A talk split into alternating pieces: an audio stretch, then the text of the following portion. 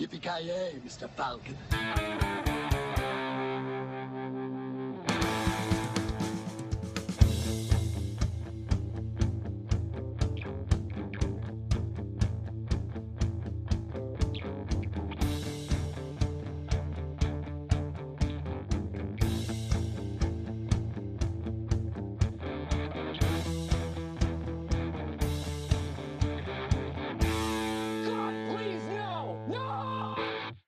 Mina damer och herrar, eh, vi har haft break förra veckan, men vi är tillbaks nu.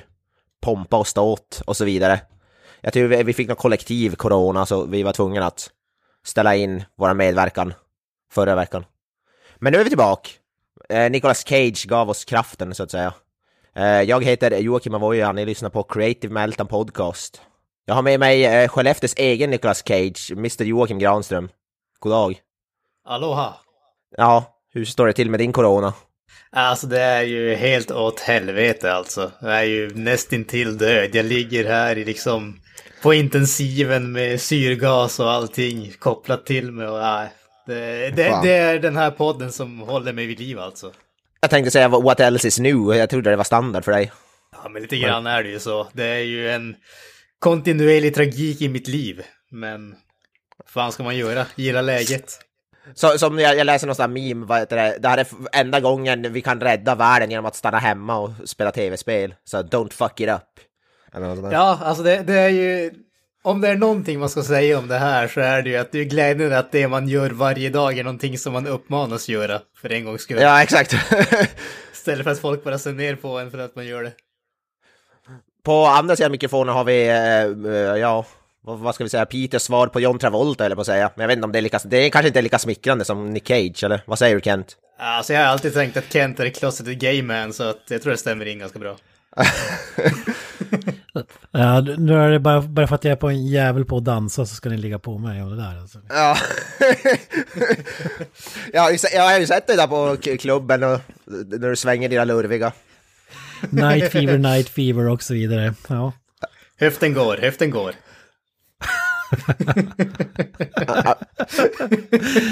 Ja, men så, så är det. Så är det. Ja, Han, han är jävligt på att dansa Travolta, men vi har, ju- vet ju alla scenen i Pulp Fiction, fan. Magisk scen, för övrigt.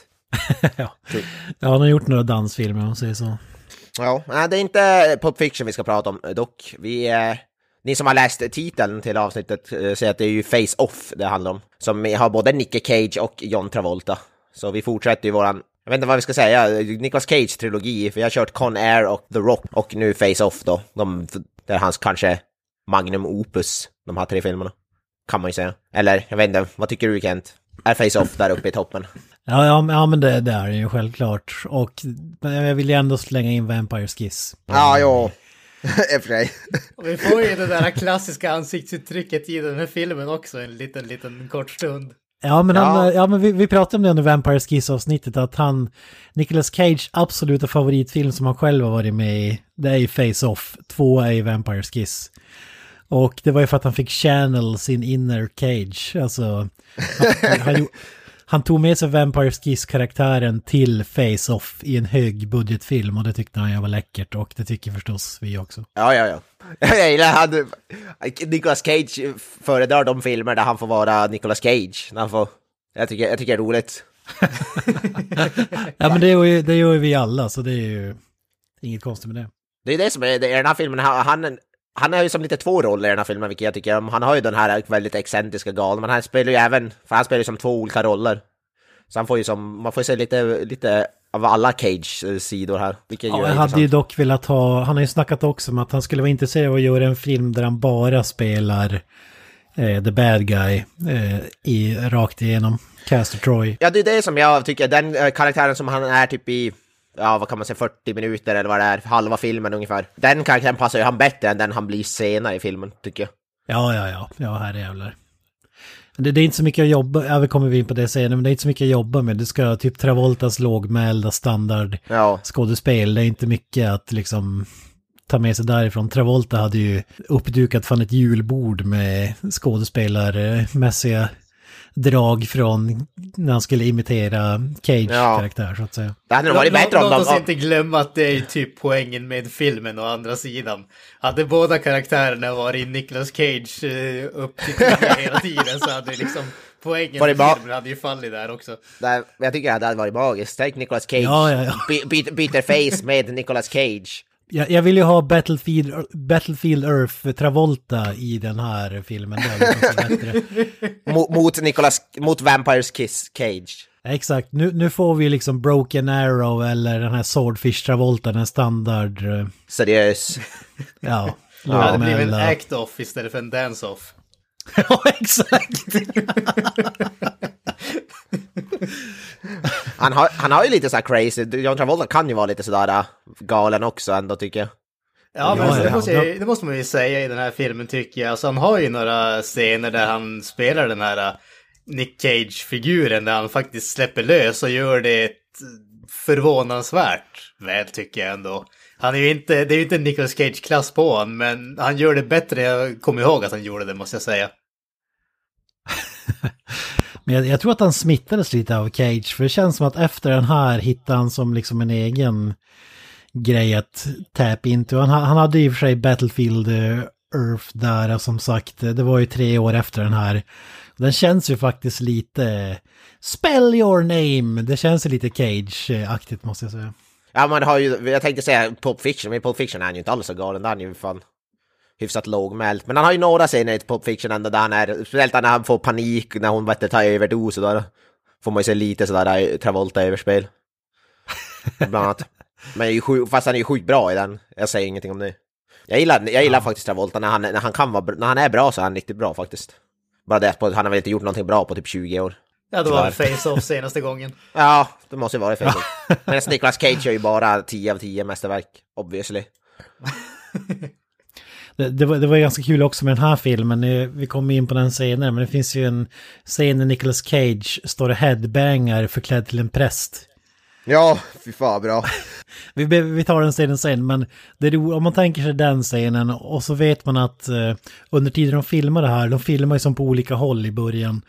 Och så fick eh, John Travolta gjorde sin grej och så fick de ju skickat det de hade filmat den dagen för att se vad de kunde imitera sen när de skulle flippa över och spela varann.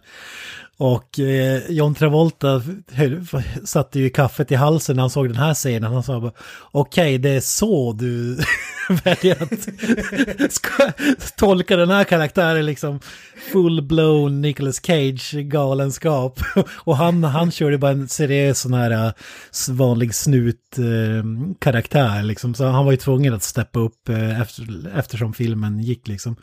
Men man tänker själva och säger där att okej det här ska du imitera om två veckor typ och så ser du den scenen. Ja, jag tycker det är så bra där också när han går som... Ja, när han går och ställer sig bakom tjejen där och så bara Åh! Eller vad fan det är, sjunger med typ i kören där. Nej, det är ma- magiskt. Men vi kommer väl till den sen. Ja, Sjukt, ja. det är sjukt bra. I'm ready. Ready for the big ride, baby. Face-Off, vad, vad, vad fan är det för någonting? Till att börja med, för den som inte har koll på eh, filmhistoriens viktigaste rullar. Face-Off är ju, jag vet inte om det är John, är det John Woos första film på engelska, amerikanska produktion? Eh, han var ju känd innan där för att göra mycket, vad heter det, kinesiska så här actionrullar och så vidare. Jag vet Men det det här- typ Broken Arrow innan den här. Jag kan ha fel. Ja, Ja, ja, det stämmer. ja okej, men det är en av de första i alla fall. Men han, han Eh. gjorde väl, gjorde han inte någon, vad heter han, Van Damme-film innan det också? Ja, han ju- Hard Target gjorde han, det måste ha kommit innan tror jag. Det, Hard Target var nog fan i i den första Hollywood-productionen. Broken Arrow, Face-Off och så den fantastiska Blackjack när Dolph Lundgren eh, slåss i mjölk. Den är, Jag har aldrig hört talas om. What? Det lät ju ganska magiskt. ja, det, det, det är en fantastisk film. Och så förstås Mission Impossible 2, eh, Wind Talkers och Paycheck. Och sen var det väl de som är värda att nämna. Ja, ja. Efter den här filmen liksom. Ja, men Johan är ju känd för att göra många actionscener i slow motion med duvor som eh, flyger överallt. Ja, ja. Jag tänker väl, tänker väl det är hans signum, spe, och speciellt med Xiao Yan Fat i någon roll. Precis. hans... Ja, The, Killer är en av mina favoritfilmer genom alla tider. Alltså den är ju fantastisk. Det, och där har du duvor, kyrkor och eh, Ja. pistol. Precis som i den här filmen. Hard Boiled är väl någon film han har gjort också tror jag. Med Chow Yun Fat. Ja, riktigt han- bra. han- A, bet, han är- A Better Tomorrow är också riktigt bra om du vill kolla den. Kan jag rekommendera. Han har, han har gjort många, ja. Eh, ja, han gör mycket så stilistisk actionfilm. Mycket så hoppa i, åt sidan i slow motion och skjuta. Det är mycket, mycket sådana serier, även i den här. Det här Matrix, dodgen åt sidan där och så skjuta och så slow motion. Han har ju många sådana här grejer, alltså han har ju många, vad ska man säga, signaturgrejer om man säger så.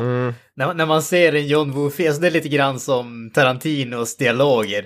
John Woos actionscener är ju hans signum, och det, det går som inte att missta dem. Innan vi går in på Face-Off, det var ju någonting om man, de skulle, höll på med någon reboot också, eller har jag helt fel då? Eller hur fan var Nej, det? du har, helt, du har helt rätt. De har ju pratat om den hur länge som helst. Men det var väl 2019 tror jag som det blev... Ja men typ nu, nu är det verkligen på gång en, en eh, reboot. Och jag, jag är lite osäker på om man ska kasta ur sig. Eh, det har ju ändrats lite hit och dit vilka som ska göra den. Det, det har väl... De personerna har väl bytts ut när, när det här sänds ungefär känns det som. Det är på den nivån. Men eh, om det skulle bli en reboot, vad hade ni sett för dreamcasting? Alltså skådespelare och regissör. Vad säger ni? Uff, fuck me alltså. Vad fan heter snubbarna som gjorde John Wick? Alltså, där skulle vi ha actionscenerna som eh, den här filmen skulle förtjäna. Jag tror att de kan blanda ihop den här stilistiska actionstilen och få det riktigt tight med eh, Ja, coola karaktärer om man säger så. Skådespelarna känns, eh, det känns fan svårare. Alltså man behöver ju två stycken med riktig, riktig range som både kan vara seriösa men ändå släppa lös fullständigt. Och, ja, alltså det vet fan. Jag kan, jag kan som inte tänka på någon skådespelare som ligger i samma nivå som Cage eller Travolta är Ja. nästan där faktiskt, måste jag erkänna. Jag tycker Någon av er det- som har ett bra förslag. jag tycker det här är som med John Wick-skaparna, David Leach, eh, vad heter han, Chad Stahelski tror jag. De hade nog kunnat göra, i alla fall actionscenerna jävligt bra. De gör ju sjukt bra action. Men sen skådisar som du säger, jag vet inte, Nicolas Cage går ju liksom inte att byta ut. Det vore ju typ om så här, den Nicolas Cage son, men han har väl ingen känd son som jag, så vitt jag vet. Alltså det, det, ska, ska man prata om någon som ska släppa lös, då är det liksom Joaquin Phoenix och sånt där. Men jag menar, han är ju inte direkt ung heller. Det känns ju inte som att han är lämpad för en reboot här. Nej, jag vet inte, Keanu Reeves kanske hade kunnat spela den seriösa rollen i alla fall. Den som inte pratar så mycket. Nej men herrejävlar. Han är fan typ äldre än de här. Ja men han ser ju ut som att han är typ 25, så det, det är lugnt. Han åldras ju inte. Jag Ja, tycker, jag måste erkänna att uh, ser man bilderna från Bill och Ted 3 så ser han ganska gammal ut när han har rakat av sig skägget. När han har skägget Ja, men så ser han- ju typ lika ung ut som han har gjort i typ 30 år. Men när han har tagit bort det så ser han gammal gubbig ut. Ja, Ja, fan. Det, det finns ett givet svar på den här frågan och den här filmen sk- skrevs ju ursprungligen för den duon och det är ju Arnold Schwarzenegger och Sylvester Stallone. Ja, kom Ja, igen. Två stycken 75-åringar, vad fan Ja. ska de göra? Halta fram. ja precis. Regissör John McTiernan, Predator. Ja, fan, jag, jag, gör han ens film längre? Eller på det? Nej, det gör det inte. Inte vad jag vet i alla fall. Ehm, Men alltså det. Om, om man ska göra det mer realistiskt, alltså jag tänker om du ska ha Schwarzenegger och Stallone, det skulle ju vara ett två timmars montage, du får se hur de sågar i tu Stallones ryggrad för att göra dem kort och... Alltså, eller för att göra dem lång, förlåt, förlänga ry- ry- ryggraden och tvärtom på Schwarzenegger, han ska bli en pygmé liksom i jämförelse med... det var jävligt kul alltså. Men om, om man säger Stallone och Nicolas Cage, hade varit fantastiskt. I am the law, versionen av Stallone och Nick Cage som är Nick Cage, det, det hade ju varit fantastiskt tror jag. Kan de inte bara ta Nick Cage i typ alla roller istället? Han spelar både skurkrollen och, vad heter det, hjälten. Det blir som i Adaptation där när han spelar sin tvillingbrorsa eller vad fan. Ja. Fan nice, alltså, han byter ansikte med sig själv. Det, det, känns, det känns som något Nicolas Cage skulle göra. Han byter ansikte med sig själv. Fy fan vad meningslöst. What, what if I, what if I just take my own face? And put And it like, on, on me! my- yeah, on my face. I wanna take my own face. off! And put it back on.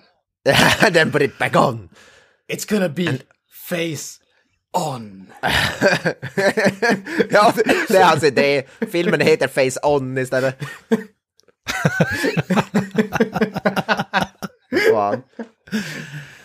Nej men seriöst, Carl Weathers och Arnold Schwarzenegger, där är ju bästa duon. Alltså jag, jag fattar inte varför du har en jävla massa pensionärer. Vad är det för rebooter med en cast som är äldre än de som var där ursprungligen? Men det finns ju inga bättre skådisar, det är det som är problemet. Nej, i så fall säger jag ja men då, då känner jag att då ska vi ha en Lethal Weapon reboot. Ge mig Mel Gibson och Danny Glover för guds skull. Ja men faktiskt, ja det, det hade, det hade fan funkat Alltså, alltså. Ja, ja men alltså jag, jag tänker mig liksom, Mel Gibson han kör ju samma snutkör som man gör i Dödligt vapen. Men sen har du Danny Glover som världens mest långsamt pratande skurk som är en fullkomlig reinvention av Nick Cages liksom version som pratar hela tiden och liksom är out there och det, Danny Glover han tar typ fem minuter för att säga tio ord ungefär. Men du hade velat ha eh, den sittande versionen av Face-Off, eh, Tommy Lee Jones vs Bill Duke. Ingen av dem kan ta ett steg. Fi- Filmen är bara där de sitter på olika platser och snackar och skjuter på varandra. Liksom. Nej, vad fan. Alltså, jag, jag kände det här skulle ju vara liksom ett kammarspel. De sitter vid ett middagsbord, men ingen av dem har tillräckligt mycket benmuskulatur kvar för att kunna gå upp och liksom göra någonting med den andra som sitter och skriker på varandra över middagsbordet ungefär. Det kommer bli typ två timmar av världens mest intensiva hatfulla diskussion mellan två stycken pensionärer. Och, och det, de är aldrig i samma bildruta, att man förstår att de sitter hemma hos Tommy Lee Jones och spelar in hans scen. Kör såhär teleconference, såhär, vad heter det, digitalt. Bara se varandra på Alltså, en de, de stor möts ju bara en gång i hela filmen. Det är liksom slutscen och där är det så här typ taskigaste bluescreenen någonsin. Jag har verkligen sett att de har klippt in dem från en så här typ statisk bakgrund och så bara två stycken snubbar som bara sitter och liksom stirrar stint på varandra. Det är bara deras ansikten som hänger bredvid varandra, det är inte de själva. ja, för fan. Fan, det skulle vara Det blev, underbart. blev alltså. mycket...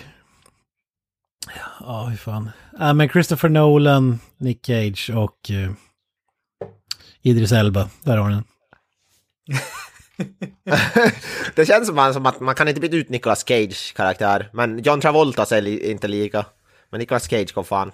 Det är fan svårt att byta ut han alltså. Ja, ja, nej, men vi får, vi får väl ta med oss det här castingförslaget eh, till Hollywood och, och se vad som Ja. händer. Efter att vi har spelat in podden färdigt ska jag ringa John Woo och höra vad han tror. Ja. Kan du fakturera, de kan ju skicka det, eh, che- checken kan de ju skicka till podden, poddens huvudkvarter man säger.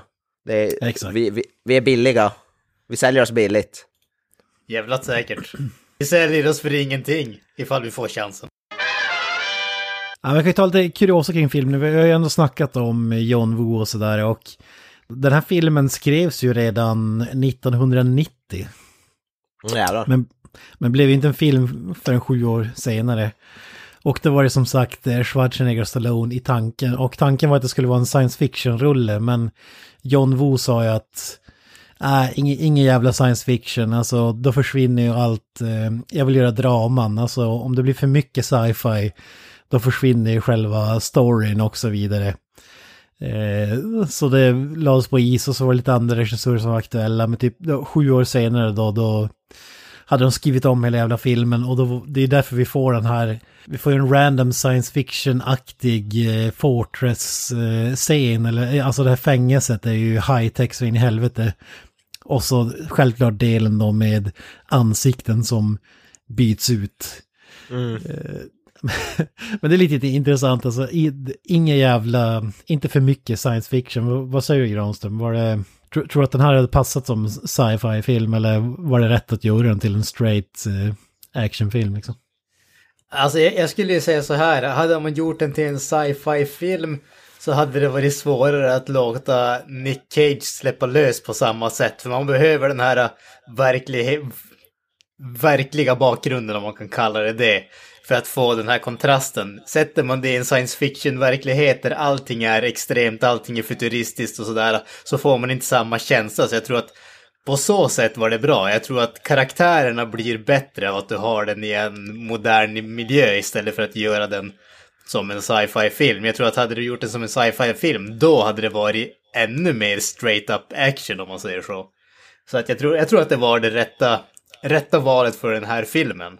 Det tror jag definitivt faktiskt. Sen kanske duvor inte finns in space, kan ju vara det också som... Ja, det blir blåbacka. svårt. Ja, det är väl nå- Det är väl här space-duvor i så fall med fyra ögon och sådär. Ja, robotduvor. Ja, precis. Ja men det var ju, va- varför Stallone och de här backade ur, det var för att Stallone hade redan skrivit på att göra Demolition Man, en annan fantastisk film. Och för att de kände att det blev för snarlik, alltså tanken med Face-Off var en sci-fi film det också. Sci-fi action och den var ju, ja, men, men det, det hade fan funkat. Om du tänker Demolition Man fast Face-Off, det, det hade ju fan varit fantastiskt det också. Castlistan, vad, vad har vi där då? Vi, vi har ju förstås Nicky Cage, alla så. Ja. Jan Wu har vi nämnt regissören. Behöver man nämna mer än Nicky Cage? Jag vet inte fan. det är... Nej men det är Nicky Cage och John Travolta så- såklart, huvudpersonerna. De två absolut viktigaste rollerna. Obviously. Ja. Men det, men det finns ändå en del, del så här små cameos som jag tycker ändå är hyfsat intressant. Men Joan Allen som spelar eh, Travoltas fru i den här filmen är väl jävligt känd. Eh, Gina Gershon som spelar eh, Nick Cage ex-ragg är ju jävligt känd. Och så har vi Nick Casavera som spelar min favoritkaraktär nästan, Dietrich, i den här filmen. Col- Com Fiore, Fiore, Fiore spelar den här läkaren. Han är hyfsat, ja inte känd men... Han är, alltså, det är en sån där, alltså, en till sån där snubbe som man känner igen men man kan aldrig placera den. Typ Dyker upp överallt. Mm. Men man lär sig aldrig namnet. Men jag vill bara säga, Nick, Nick Cassavetes, han har ju bland annat regisserat The Notebook och eh, John Q med eh, eh, Denzel Washington. Och är ju attached till Roadhouse, remaken. Så det är lite kul, regissörer som gör skådespelare. No. Insatser. Några roller jag blev positivt överraskad att se det är ju bland annat John Carroll Lynch, den här, han som spelar den här, vad heter det, vakten i fängelse. Han är ju med, han är ju med, nu ganska känd för den här serien American Horror Story som jag gillar som fan. Vilket, det tyckte jag var jävligt kul. Jag har inte Just sett tror jag i något, något annat. Han, och så sen även vad heter det, en skådespelare som heter Matt Ross, som är, han är ju med i den här serien Silicon Valley. Så det, det, det var två roller som jag blev positivt överraskad att se. Norm Gunderson var ju med i Fargo bland annat. Jag tycker han är riktigt bra i Zodiac också faktiskt. Så har vi även den här, hon är så, hon, Margaret Cho, hon är känd som hon är stand-up komiker tror jag främst. Ja, Eh, CCH Pounder är också med. Hon, hon är också en sån där som dyker upp lite grann överallt. vi har ju även eh, The Punisher himself, T- eh, Tom, Thomas Jane, i en liten roll. Ja, den är sjuk. Jag, jag känner inte igen honom alls i filmen. Det, Jag, måste det var erkänna, jag, jag vet inte vem han är i filmen. Jag visste inte förrän jag såg castlistan. Han är Han är snubben med glasögon och krulligt hår i, som man, den första han? träffar på i fängelset. Mm. Jajamän, en ung Va? Thomas Jane. Jag kände inte igen honom för fem år. Nej, nej. Nej, han ser rätt olika ut sig. ja, alltså hade du inte sagt det så hade jag aldrig listat ut det alltså. Och, och det här är lite kul för att Thomas Jane gjorde förstås Punisher, där John Travolta sen var skurken i. Det, det är ju Ja, just det. Mm. Jag vet inte om de träffades så här och hittade kemin eller... Sen hade vi också, det är så från eh, Sons of Anarchy, en serie jag gillar, Tommy Flanagan har vi ju, han som har som ett R i ansiktet. Ja, Alltså, eh, skotte, han är ju badass som fan. Chibs eller vad han heter i serien. Chibs ja, han är sjukt cool. Även Gladiator. Också sjukt ung i den här, i den här filmen alltså. Jämfört med Ja. Sons of Anarchy. Ja, något jävligt. Fan, det, det, det vill säga nu också, liksom Danny Masterson från The That 70 Show är med. Ja, Ja, många- som rapist. ja just det, ja. Fantastisk Ja, det finns, ja, det, ja. ja, det finns en hel del. Det, det, är in, det är inte i nivå med eh, Con Air och eh, The Rock. Ja, nej, nej. men Nej, nej, Nej, nej. nej. Nej, nej. Det, det är lite besvikelse ändå. När de ska slutföra trilogin här, att, eh, att de inte håller uppe castlistan ordentligt. Ja, alltså, det, det jag känner där lite grann, det är alltså den här filmen känns ju som att den, den tar sig själv på lite mer allvar än både The Rock och Conair gjorde. Ja, det, det känns som att det, det på, på något sätt var det som att i de filmerna var det en grej att få de här stora skådisarna, hyfsat stora skådisarna till nästan cameo-roller om man säger så. Här känns det som att det, det skulle sättas mycket mer fokus bara på Travolta och Cage. Ja, men det är så ja, är det ju. Det är ju deras, Ja. det är en två, två man show, så att säga, two man show. I've been um, chasing this guy ever since I joined the force. He he has no conscience and he uh, he shows no no remorse. He's the mastermind behind numerous bombings and political assassinations. He uh, has a felony list a mile long: murder, arson, kidnapping, terrorism, you name it. He's the most dangerous and, brilliant criminal mind I've ever known. I, for years, I've I've been watching him, tracking him, studying his every every move. I know his every every mannerism, facial tick, gesture. I know him better than he knows himself. And now, after all this time, I finally figured out a way to trap him. I will become him. Ja, men vi har ju då som sagt eh, Travolta och eh, Nicolas Cage i rollerna som eh, FBI-agent Sean Archer och Kester Troy respectively, så att säga.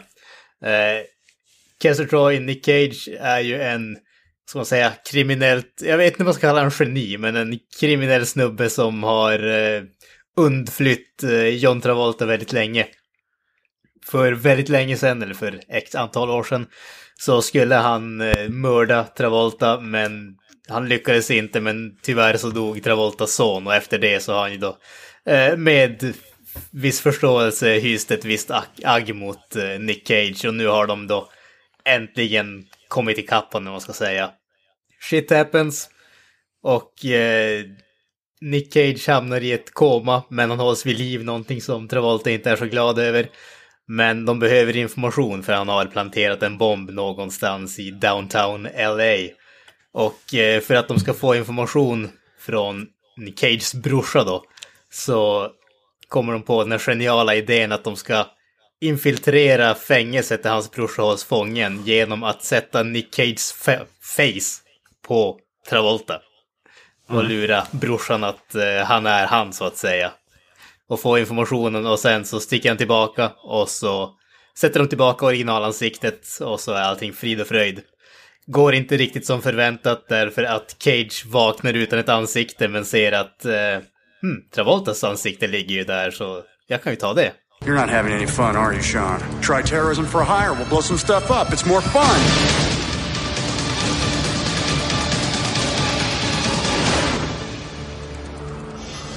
Plan B. Let's just kill each other.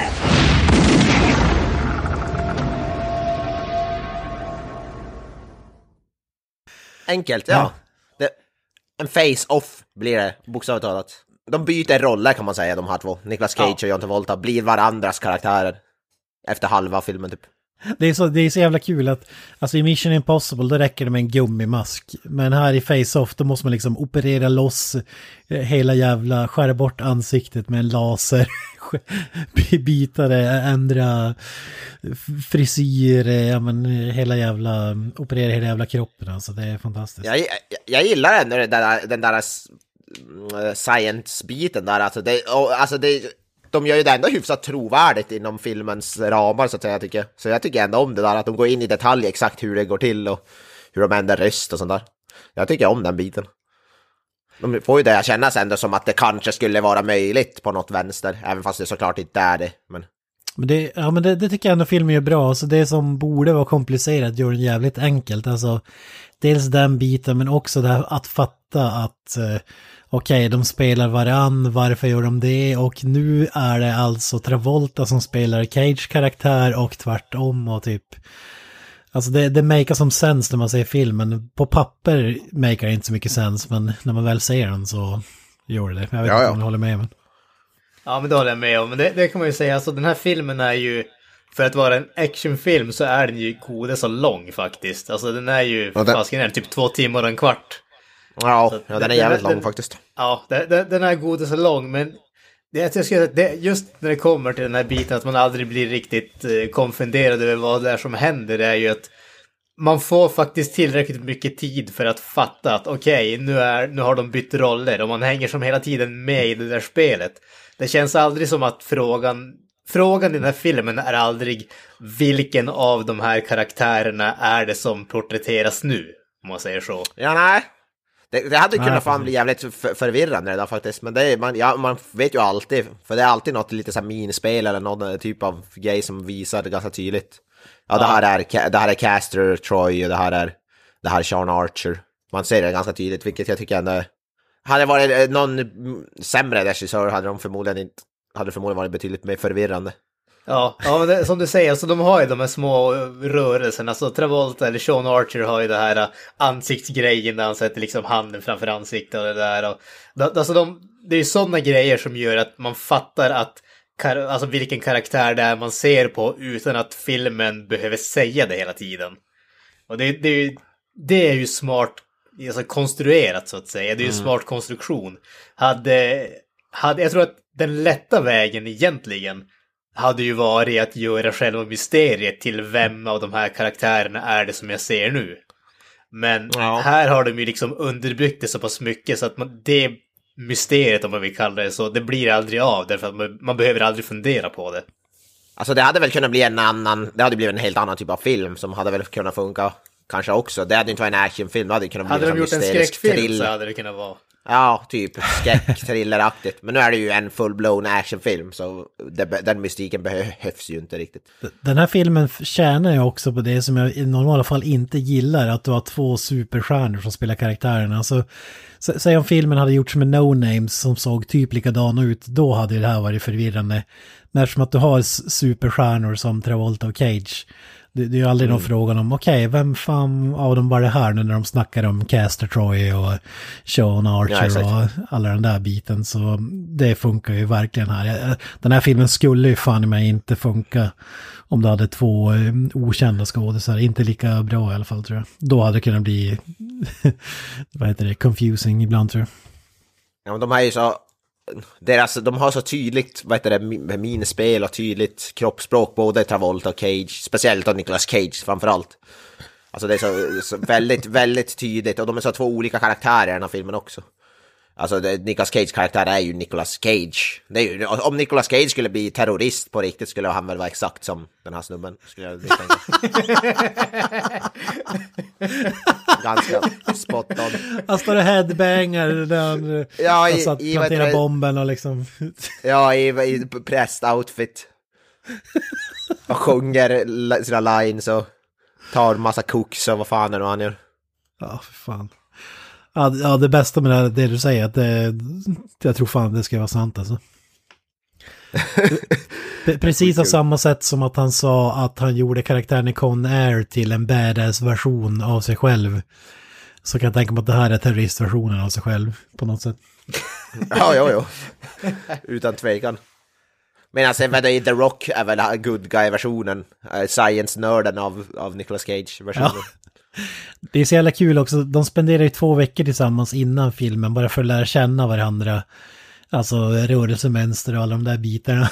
Och då, då berättar ju Travolta i sin intervju, det är ganska tydligt att han var ju så jävla chockad över att Nicolas Cage, när han körde igång, ni vet, vi har pratat om det tidigare, han får ju bara för sig någonting och så det är det här jag ska göra, det spelar ingen roll vad regissören, alltså det spelar ingen roll om du är John Woo eller James Cameron eller vad fan du är, du, han, han kör sitt race liksom. Och, och då hade de massa diskussioner och så Travolta bara, ja så vi, vi pratar ju mycket med varandra, typ, är det okej om jag gör den här huvudrörelsen för du ska göra det sen? Är det okej om jag pratar i det här tonläget för du ska ju göra det sen? typ så här. Och man fattar ju mellan raderna läser man att, ja okej, Nicolas Cage bara körde och Travolta tyckte inte om det och de var tvungna liksom, kan vi inte tona ner det? Underbart. Fan. Alltså jag kan tänka att det är, det är lite så här chock för de crewerna som när Nicolas Cage bara drar igång med någonting, börjar sjunga en line mitt i allt. Bara, vad i helvete? Ja, han är kompositör, kompositör i den här filmen, Nicolas Cage, men det kommer vi till senare. Ja. Han borde stå som creddad som kompositör. Men vi, vi kan väl kasta oss in i filmen då. Filmen börjar med Travolta, vi får någon så här svart-vit eh, tillbakablick där, eh, Där Travolta drar sina korvfingrar över sin sons ansikte under tiden som de åker på en karusell. Han liksom, det här är en återkommande, han, han tar liksom sin hand och börjar, jag gissar att det ska vara någonting med face. att det är det, därför den finns med, men för att visa sin kärlek till sonen så drar han fingrarna över ansiktet, jävligt eh, märkligt ser det ut. Ja men det, det är ju en sån där som vi pratade om, alltså det är en sån där typ grej som att man ska, för att man ska identifiera karaktären. Jag skulle tro att det är typ därför det är där. Alltså jag fattar det, men då, vad som helst hade ju känts mer naturligt än det här jävla dra korvfingrarna över ansiktet. Det känns så jävla... Speciellt i coronatider känns det så jävla märkligt alltså. Om de bara hade förutsett det här för 23 år sedan. Jag får hoppas att han handspriter sig innan och att den där ungen... Ja, jag stod och tvättade sig i 20 minuter innan varje söndagsscen. Hade de gjort det på stan idag hade de blivit skjuten. Så, så. Ja, Ja, alltså Peter är ju laglös vildmark vid det här laget förstår jag. ja, ja. Det är The Walking Dead. ja men vi, och så klipper man till Nick Cage i mustasch, fantastisk jävla mustasch alltså. Han, han skjuter, han väntar tills karusellen snurrar så att eh, ryggen, Travoltas rygg är i skott, eh, skottlinjen och han avlossar skottet men skottet går inte i hjärtat utan missar hans hjärta med en centimeter och går istället eh, genom hans kropp in i ungen som dör. Och då, ja, Travolta blir förkrossad då. Och efter det här så sticker bara Cage. Han, han sätter inte en kula två i Travolta utan han drar bara därifrån. Kanske för att han Nej, det där är insåg att han var ja. child murderer, jag vet inte men. Ja, för han är ju lite som sådär, alltså han är ju tokig och mördare men han verkar ju ha lite av ett conscience ändå. Nicolas Cage karaktär, så han vill ju, ville ju inte döda ungen och det säger han ju senare. Även om han som inte bryr sig allt för mycket. Men han är ju inte så genomgående mördarrobot ändå. Alltså det, kän- det känns som att det hände mycket med karaktären från den här scenen till resten av filmen. För att det här var ju den som filmades allra först vet jag. Och här är en som lågmäld, iskall, sitter med en jävla sniper rifle. Alltså om man säger Caster Troy i filmen sen hade ju bara gått fram med dubbla pistoler och blåst skallen av honom mitt bland folk. Han hade ju skitit i... Alltså han, hade ju förmodligen inte legat med en jävla sniper rifle. Det känns ju inte eh, linje med karaktären. Jag vet inte vad ni säger. Nej men alltså jag håller med där faktiskt. Jämför man med hur han är till senare i filmen så är han ju helt annorlunda. Men å andra sidan, om man ska extrapolera från ingenting, det kanske var det här som drev han in i drogmissbruket och all den andra liksom, galenskapen. Det, är liksom, det var här allting började för båda två. Ja, ja men så kanske det är. Jag, jag vet, jag tycker ändå det är bra karaktärsutveckling på Cage-karaktären. Att han börjar med, men att han kanske blir lite mer... Att han utvecklas ändå lite. Jag tycker ändå det känns... Jag, hade ingen som, jag har som problem med det. Jag vet inte om det känns som att det är så mycket karaktärsutveckling egentligen. Nej. Han är först så här och sen är det typ nästa scen han är med så är han helt annorlunda. Men jag tänker, man måste ju ändå tänka att de har det har ändå passerat en ganska lång tid också mellan han sk- skjuter där i början och sen nästa. Det är väl typ så här, är det inte typ sju år eller något sådär? Eller är det inte flera år som passerar? Ja, det är, ja, det är något sånt där, typ 6-7 år. Men jag, jag menar bara att man får ju aldrig se utvecklingen. Han är verkligen på ett sätt i första scenen och sen andra scenen så är han helt annorlunda. Fyller i blanksen så att säga. Ja, exakt. Ja, ja, Karaktärsutvecklingen är inte att man får se ett klipp där någon skjuter någon iskallt och så sen i nästa scen så är han helt galen. Det är ju inte karaktärsutveckling. Ja, men hur som helst, det här, det här blir ju Sean Archer som Travoltas karaktär. Vi, vi får kalla dem Travolta och Cage, jag vet inte. Ja, jag tror det Alltså, det, det, jag tror, jag vet inte fasiken alltså. Det, det kommer bli jävligt förvirrande det här känner jag. Ja, i och för sig, för när Det är Travolta nog lättare att spelar kalla dem Cage. Archer och Troy. Tror jag. Eller kalla karaktärerna vad de är, så att säga. Ja, vi kommer säkert att blanda, men... Ja, Förmodligen. skit, skitsamma. Caster, Caster Troy, alltså Nick Cage Sean Archer John Travolta. Mm. Det, det, här, det här gillar jag ändå. när- Vi klipper ju då till några år senare, Sean Archer. Istället för att vi får det här graduated top of his class. Så filmar ju John Woo hela hans, hans vägg och den är ju fylld med medaljer och plaketter och... så, så istället för att säga alla de här grejerna så får vi reda på att okej, han är världens mest meriterade fucking FBI-agent någonsin. Han, han har ju dessutom blivit galen, han har ju blivit besatt av att... Eh, han jagade Caster Troy innan, men efter att han mördat hans son så har han som... Det har krossat hans familjeliv. Han själv är i spillror och nu är han som besatt av att eh, sätta dit Caster Troy. Och han har hållit på med det i flera år så att säga. Och när vi har established det så får jag den här fantastiska prästscenen. Jag vet, du kanske kan ta den Mr. Roy. Ja, men han har ju varit och placerat ut den här äh, bomben någonstans. Vid, det är något stort convention center eller någonting. Och så, han är av någon anledning utklädd till präst också. Mitt i allt. Det är, det är lite random. Jag vet inte om det är, det är här disguise förmodligen för att han ska ta sig in där då. Det är någon slags kör-convention tror jag att det står. Ja, någonting sånt där. Han, är, han, han har väl klätt ut sig för att förmodligen smälta in då, skulle jag gissa på. Eller något. Men han smälter ju inte in så mycket beroende på för att han gör ju lite excentriska Nick, Nicky Cage-grejer kan man ju säga. för han går förbi där, de står ju och sjunger alltså körer då.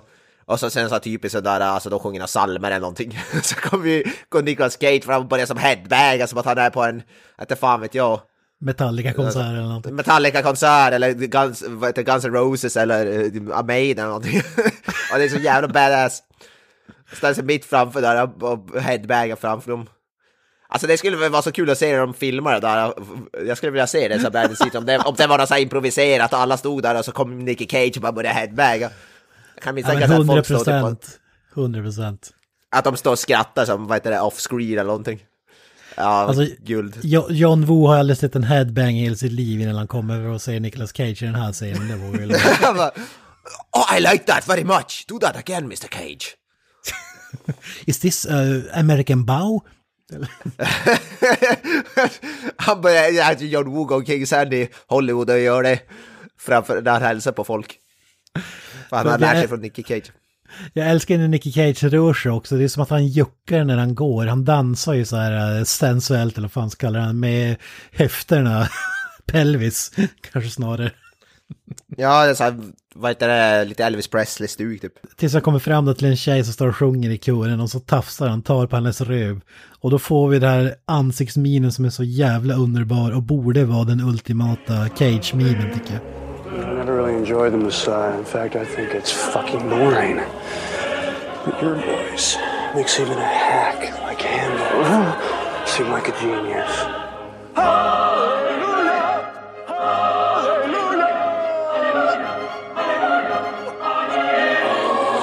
Han bara spärrar upp ögonen i skyn och typ ah, typ Homer Simpson style. Ja, alltså det är, det är typ Vampires Kiss-facet nästan i princip. Ja. Jag tänker mig att det ser ut så när han, vad heter det, climaxar under samlag, Nicky Cage. Ja, ja men det är typ det, det är väl det som är underförstått med det där, eller? Tror du inte det? Ja, alltså det, det skulle fan inte förvåna mig om han gjorde det. uh, uh. Ja, det, är, det, är, fantastiskt. Det är hans försp förspelare här, vad heter det, monologen från, från vad heter det, Vampires Kiss. This is the lowest, lowest job I could ever give anyone. Ja, men jag säger det, meme-scenen. Det här, det här är den ultimata meme-scenen för fan. Den är uppskruvad oh, ja. till 11. Alltså det är så sjukt Ja, han som så här ställer sig bakom den här tjejen och så typ skriker rakt ut. Ja, underbart. Just när de sjunger halleluja i den här låten så bara kör han sitt primalstön, eller vad man ska kalla det. Upp med käften, ja, upp med ögonen och så stirrar han bara rakt upp i skyn liksom. Nästan lika bra som headbangingen. Och när han, när han sticker därifrån då får ju Sean Archer och Travolta få ett tips om att eh, FBI försöker spåra honom och säger att han är utomlands. Men han, han säger någonting i stil med att det är en 10 dollars informatör som han litar på mer än typ teknologin. Jag vet inte fan vad det är. Eh, och att eh, Castor Troys brorsa Pollux Troy har köpt ett privatplan med cash och betalat cash och att eh, han reser aldrig ensam så det är garanterat dit som Cage är på väg. Så de beger sig dit och ska stoppa honom innan planet lyfter. Vi, vi fick ett tips här på Facebook av eh, Robin Andersson. Eh, att den här fantastiska jävla Dressman-låten faktiskt kommer från filmen Face Off. Grattis Eskilstuna! Nu öppnar Dressman i Folkestad. Och den kommer från den här jävla scenen på flygplatsen där Nicky Cage eh, eh, går i slow motion. Han kliver ut sin bil och hans rock blir som en Batman-cape som vaggar i vinden. Alltså eh, super slow-mo. Han ser riktigt jävla badass ut. Och då hör vi den här du du du du du du Grattis Skövde! det saknas bara den line alltså. Ja, ja, ja. Ja, det är helt fantastiskt. Jag hade ingen då... aning om tidigare, alltså. så tack för tipset. Ja. Alltså. Ja. Casing didn't fit right. See, I told you goddamn Dietrich would try to pawn off some cheap shit North Korean plastic. Casing fit like a condom. You didn't deviate from the plan, did you? Eh, Det är den scenen också han tar en proven, eller han tar, får en sån här låda med så här glasögon. Så han får de här små, typ John Lennon-liknande så här tintade röda glasögon typ. Som är så här jättesmå, minimala. En sjukt badass. Ja, den här lådan är ganska magisk också. Den innehåller ju två guldpistoler med drakmotiv. Ja, det är hans signaturvapen. Casters. Eh, mint-tuggummin. Eh, några ja, självklart. några random, random knark. Eh, piller, hans brillor. Och eh, vill jag minnas att det var en rad joints ihoprullade. Så- Alltså, jag, tänk- jag kan tänka mig det här med vad heter tuggummi, någonting Nicolas Cage kom med, precis som det där typ vadå, att han inte skulle svära i The Rock eller vad det var. Ja, he, ja, needs to be chewing, he needs to be chewing uh, uh, mint gum. That's, what, that's his, his thing. Det känns lite som så James Bond, för det är alltid en eh, underhuggare som kommer med den här lådan. alltså, istället för en laserklocka så har han liksom tuggummin och knark och pistoler liksom. I... Men, men så är det ju säkert, den där lådan var ju garanterat bara två guldpistoler och that's it. Men Nicolas Cage ville addera character-grejer. Ja, ja precis. Hmm, he needs something of his own. Oh yeah, I know. Mint gum. Ja, men vad, vad säger du om den här scenen? Det är ju den coolaste scenen i filmen tycker jag. När han går i slow motion med de här gyllene pistolerna som jävla cowboy också. Eh, Lite Matrix-vibbar får man lite också kanske. Ja, det är John Woo signum, allting ska vara i slow motion. Ja, men det är Även när lite grann så. Och så har vi den där kappan som slänger i vinden och allting. Alltså det är ju... Alltså det är bara stil. Det, det är liksom... Det osar stil om man kan säga så. Och det är så jävla skön stil. Oh ja. Det saknas bara duvor. Ja, men vi träffar ju, vad heter det, vi träffar ju lillebrorsan Pollux. Som i vanlig ordning har glömt att eh, knyta skorna. Jag fattar aldrig den där riktigt den grejen. Glömmer han att knyta skorna eller kan han inte knyta skorna eller... Ja, Jag, vet- tror bara, jag tror bara att det jag ska vara att han är så beroende av sin brorsa att han till och med måste knyta skorna åt honom. Jag tror det är en sån grej. Det är ju det, det här, deras namn också, Castor och Pollux, är inte det någon referens till någon typ så gudar eller något sådär i någon, någon mytologi här för mig? Ja, det känns... gre grekisk mytologi. Ja. ja, visst är det något sånt där? Jag tror det är något sånt, Castor Pollux. ja. Är är det inte... Någonting. Fan, Ja, jag är helt fel någon- om jag säger att det har någonting med vargar att göra, men jag kan ha helt åt helvete Ja, fel. men det, det, är någon, det är någonting med vargar mytologi att göra. sånt. Ja. Ja.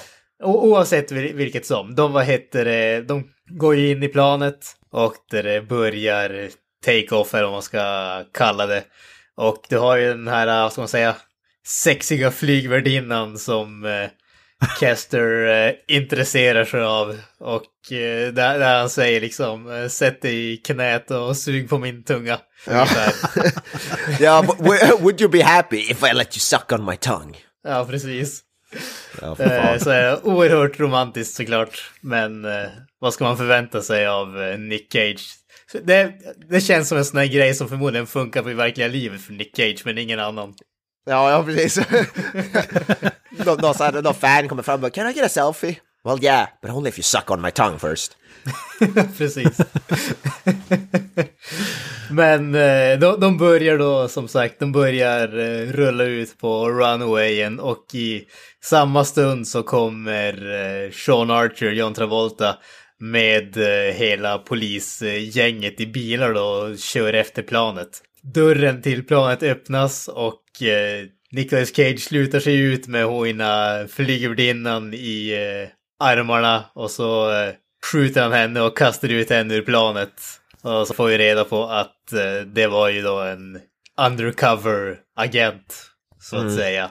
Eh, men de lyckas, vad heter det, de lyckas få planet att stanna. Nick Cage, vad heter det, hotar piloten men det går inte så jättebra, de kraschar. Och eh, han springer iväg och eh, lillbrorsan gör det också. Och du har Sean Archer och poliserna som då jagar dem inne på, jag vet inte, så är det typ något Alltså det känns som typ bagageutrymmet ungefär, eller bagagesortering eller någonting sånt. Fast jag vet inte fasiken vad det är egentligen. Ja, Är det inte en hangar typ av- bara tror jag? Eller? ja någon typ är det av det? hangar. Jag tyckte det var, det var så mycket andra grejer tyckte jag där. Men då har ju typ en random flygmotor som bara är där mitt i, så att jag. De, de jagar varandra med eh, pistoler inne på den här eh, hangaren helt enkelt. Och eh, kommer närmare och närmare varandra fram till dess att eh, Nick Cage eh, har Travolta i sitt, eh, sitt sikte så att säga. En stor, alltså, varför har man en flygmotor bara sådär randomly uppkopplad Ja. mitt i allting? Ja, men Ja. Det, är ju någon meka- det är någon mekaniker som håller på att byta motor och... Ja, och de, de skulle förmodligen spela in den Mythbusters eller någonting så att den var uppkopplad till... så att den fungerar. det, det, det måste ju vara så i alla fall. Det är här vi får, den här, vi måste ju får inte glömma Nicolas Cage sångscenen, det är ju kanske bäst att se det i hela filmen. Ja, fy fan. Alltså det, innan vi kommer där, jag tycker det är så jävla kul. Alltså det har ju skjutits en miljon kulor eh, mellan Cage och Travolta. Alltså jag överdriver Ja. inte, det bara smattrar hela tiden. Och sen Man kan aldrig behöva ladda om heller. Nej, men sen påstår sig båda ha räknat så att de vet att den andra har en kula kvar. alltså, de, måste, Ja. du har bara skjutit 999 000 eh, skott nu, så jag vet att du har en kula kvar. Det är inte någon six shooter direkt som används här utan... Nej men det är det jag säger, de har typ, de måste ha några specialpistoler som fylls på av sig själv då kanske, något jag vet, magiska. Alltså man kan ju ha hur många skott som helst i de där uppenbarligen. Ja. Men det är ju så bäst, det är ju den det säger sen, vet du, får ju, de börjar ju slåss där och så får ju, vad heter det, eh, ja, Sean Archer då, John Travolta, ska- han får ju ner, vad heter det, Nicolas Cage där på knä och håller en pistol mot honom. Det är då vi får den här, får den här magiska, ja, ready for the big ride, ja fy fan bra. I'm ready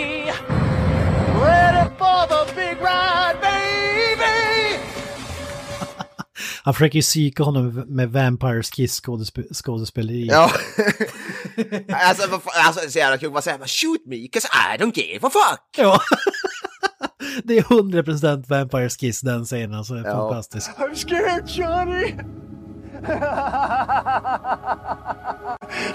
Well, I think you better pull the trigger. Because I don't give a fuck.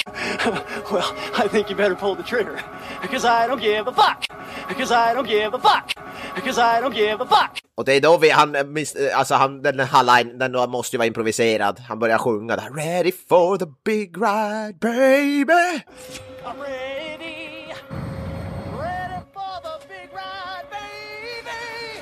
Alltså vi pratade om det här, vi försökte googla här innan. Och det finns ju en låt i soundtracket som heter exakt, har den titeln som de orden. Men exakt. det, det, finns inga, det finns ingen sång i den låten, det är bara en instrumentallåt. Antingen var det helt improviserat av Cage och de satte, de tyckte det var så jävla kul att de satte låtnamnet, alltså musiken i bakgrunden till den scenen döpte de till I'm ready for the Ja. big ride baby. Eh, eller så måste det ha varit, eller så var det titeln på låten och han, han gjorde en sån här uh, Hercules ja. disappointed. eh, Ja just det, ja, eller? det vart ju så jävla magiskt. Typ det står här spelas eh, I'm ready for the big ride baby och han tror att det var en replik och bara börjar sjunga den liksom. Ja fy fan, det är så jävla bra. Alltså, I don't give a fuck! Och sen tar han ju fram någon kniv från typ, från sin, sin byxficka eller någonting, bak i ryggen där. Och medan han sjunger där, I'm ready for the big ride baby. Ja, fan vad magiskt. Men Travolta Han tar- han spelar tar- fotboll så han sparkar ju undan kniven liksom. Ja. Nej, fan, det kan vara min favoritserie i hela filmen. Ja, det, det är fantastiskt. Alltså det är Vampire Skiss skådespeleri som går över till någon improvisationssång med påhittad text förmodligen.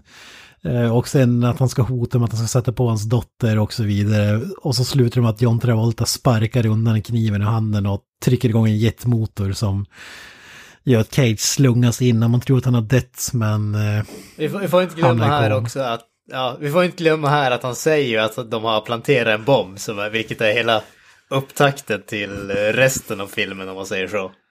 Ja, just det, just det. Det, det är ju här som Sean Archer får reda på det.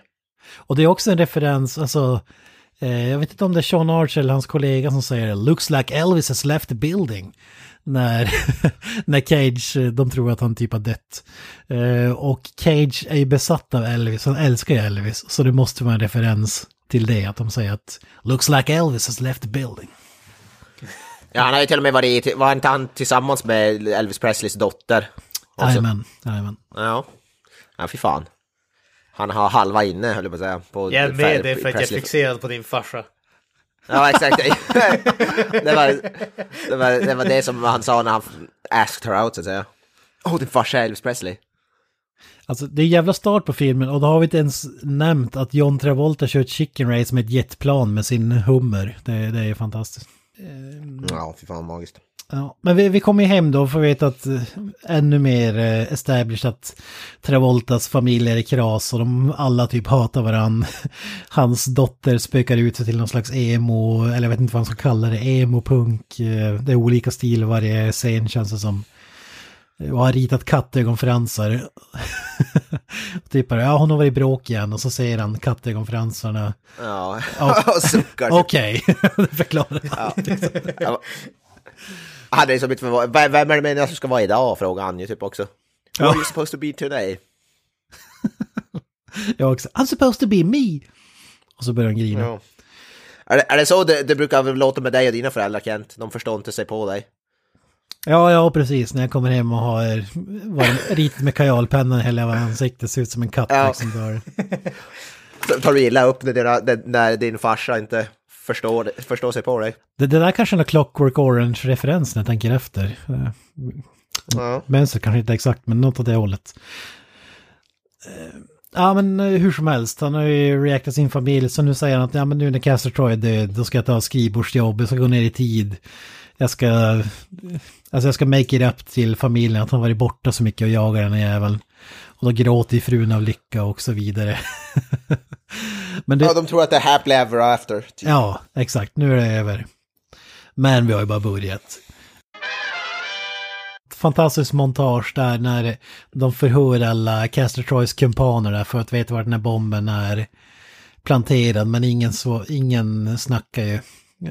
Och så säger han Dietrich då, Nick Cassavetti, han säger typ Sean, how's your dead son? Och så skrattar han, vilket är så jävla sjukt.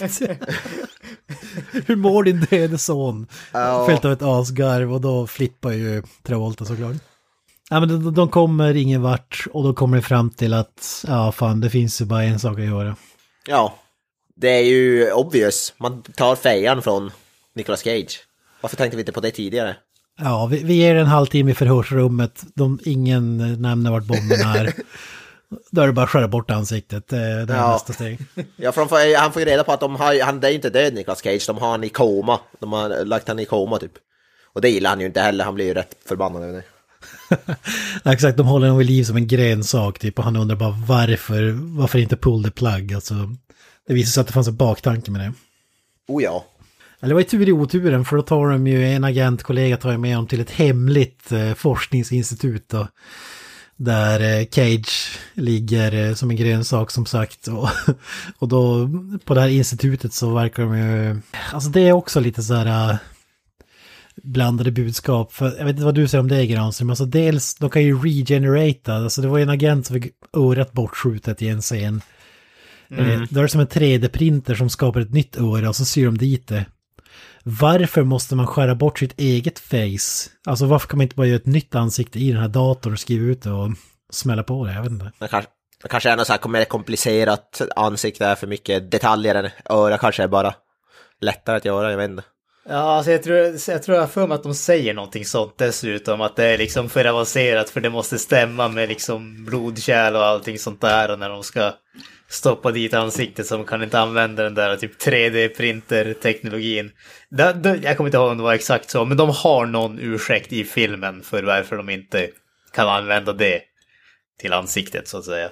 Ja. Sen vet jag inte egentligen hur, vad, vad det där hur det där funkar i praktiken. Det är ju inte så att liksom blodkärlen i Nicolas Cages ansikte motsvarar blodkärlen i John Travoltas ansikte och det var liksom ploppa ett ansikte på by- byta ansikten och bara sådär och så kommer allting att funka utan problem. Det, jag vet inte om det känns så mycket mer logiskt ändå men ja. Nej exakt, för det är inte så här, ja men ni har matchande njurar eller blodgrupp eller någonting sånt, utan det är bara, det är bara att köra.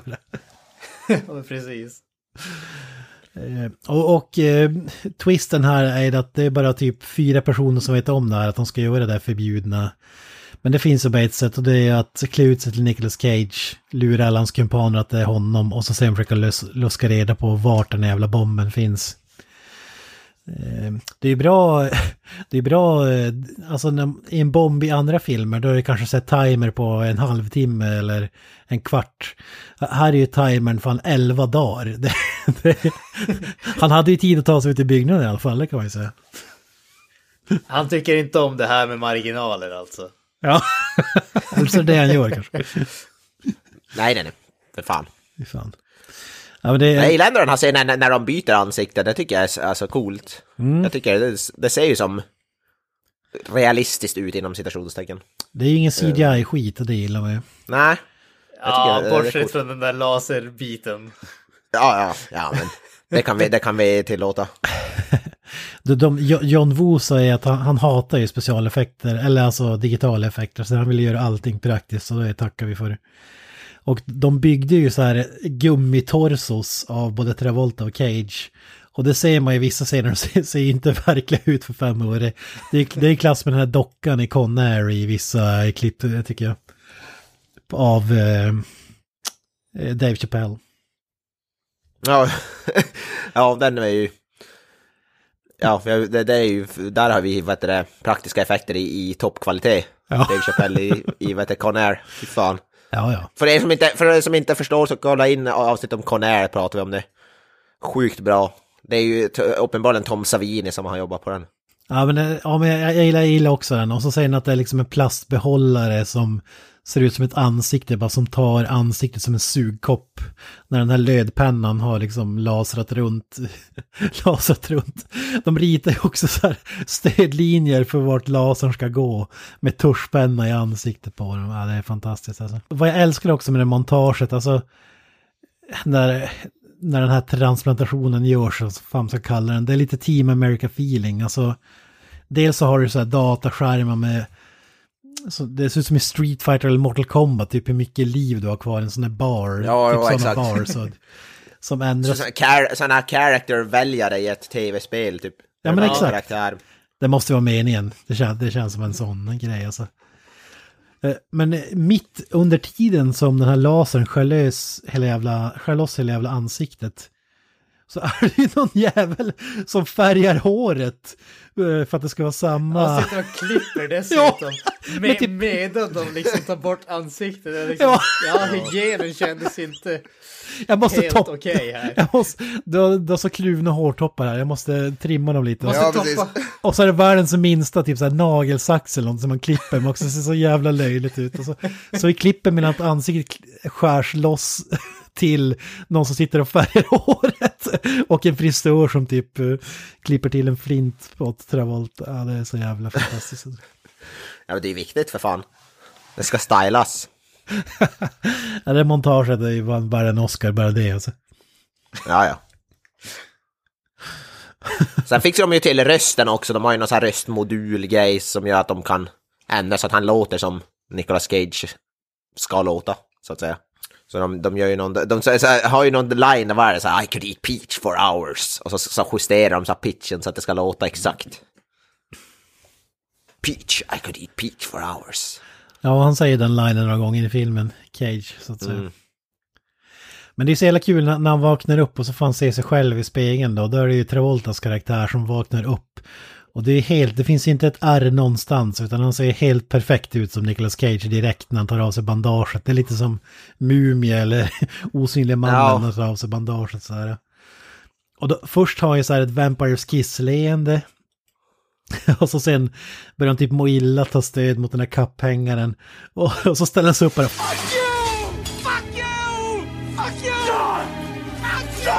Ja, Och pekar på alla i rummet typ. Fa, fan ta er för att jag gjorde det där. och han gör ju det med John Travoltas röst också. Det är ju det som är, det är lite som weird. Ja, ja det, det är faktiskt en fin touch tycker jag. Att de inte har gjort den än. Men det är så jävla kul när hans polare också bara You're Sean Archer, you're Sean Archer. Typ som att det är det som är hans problem. Att han, har, han tror att han är Caster Troy. Det är ju snarare att han ser ut som Caster Troy. Utan han tror att han är en personlighetsklyvning mitt i alltihop. Och så säger jag typ att eh, When this is done, take this face and burn it. Ja, ja, det bra. Jag gillar, men jag gillar som det där tonläget han har när han bara Fuck you! Ja. Alltså det låter så... Alltså han går upp här jättehögt så här, Fuck you! Där uppe typ. Det är så jävla kul. Det är lite Battlefield Earth Travolta eh, Ja. där tycker jag. Eh, Och så får vi det mitt i alltihop. Det här är ju precis som eh, The Rock så är det ju en prison movie där också. Och hon är för den delen. Ja, det är lite, det är så, det är så high tech, high tech The Rock typ. Alltså det är som, det är något sci-fi fängelseaktigt typ. Det, det här var väl face-off-delen och det här fängelset var väl de sci-fi bitarna som John Woo gick med på antar jag. Ja, han ville väl, ja. Jag vet inte, jag tycker ändå det är coolt. Det är så här lite, jag vet inte vad man ska jämföra det. det, det Ja, men jag, tycker- jag tycker ju att som, eh, som Ken sa tidigare, alltså det är ju lite Fortress-vibbar man får av det här fängelset. ja, ja, den har inte jag sett i och för sig. Fantastisk film. Riktigt bra. Christopher Lambert i hög form. Kens favoritskådis. Ja, ja, ja. Förutom Absolut. Nicolas Cage. En av Ja. hans många husgudar. Fan, där har vi ju en snubbe som kan spela, som är bra på att spela över alltså. Fy fan. Han, han, är, han är ju lite så här Nick Cage-stuk, faktiskt. Lite light Nicolas Cage ändå. Han, han är lite för nedspelad. Alltså han är för uh, lågmäld för det skulle jag vilja säga.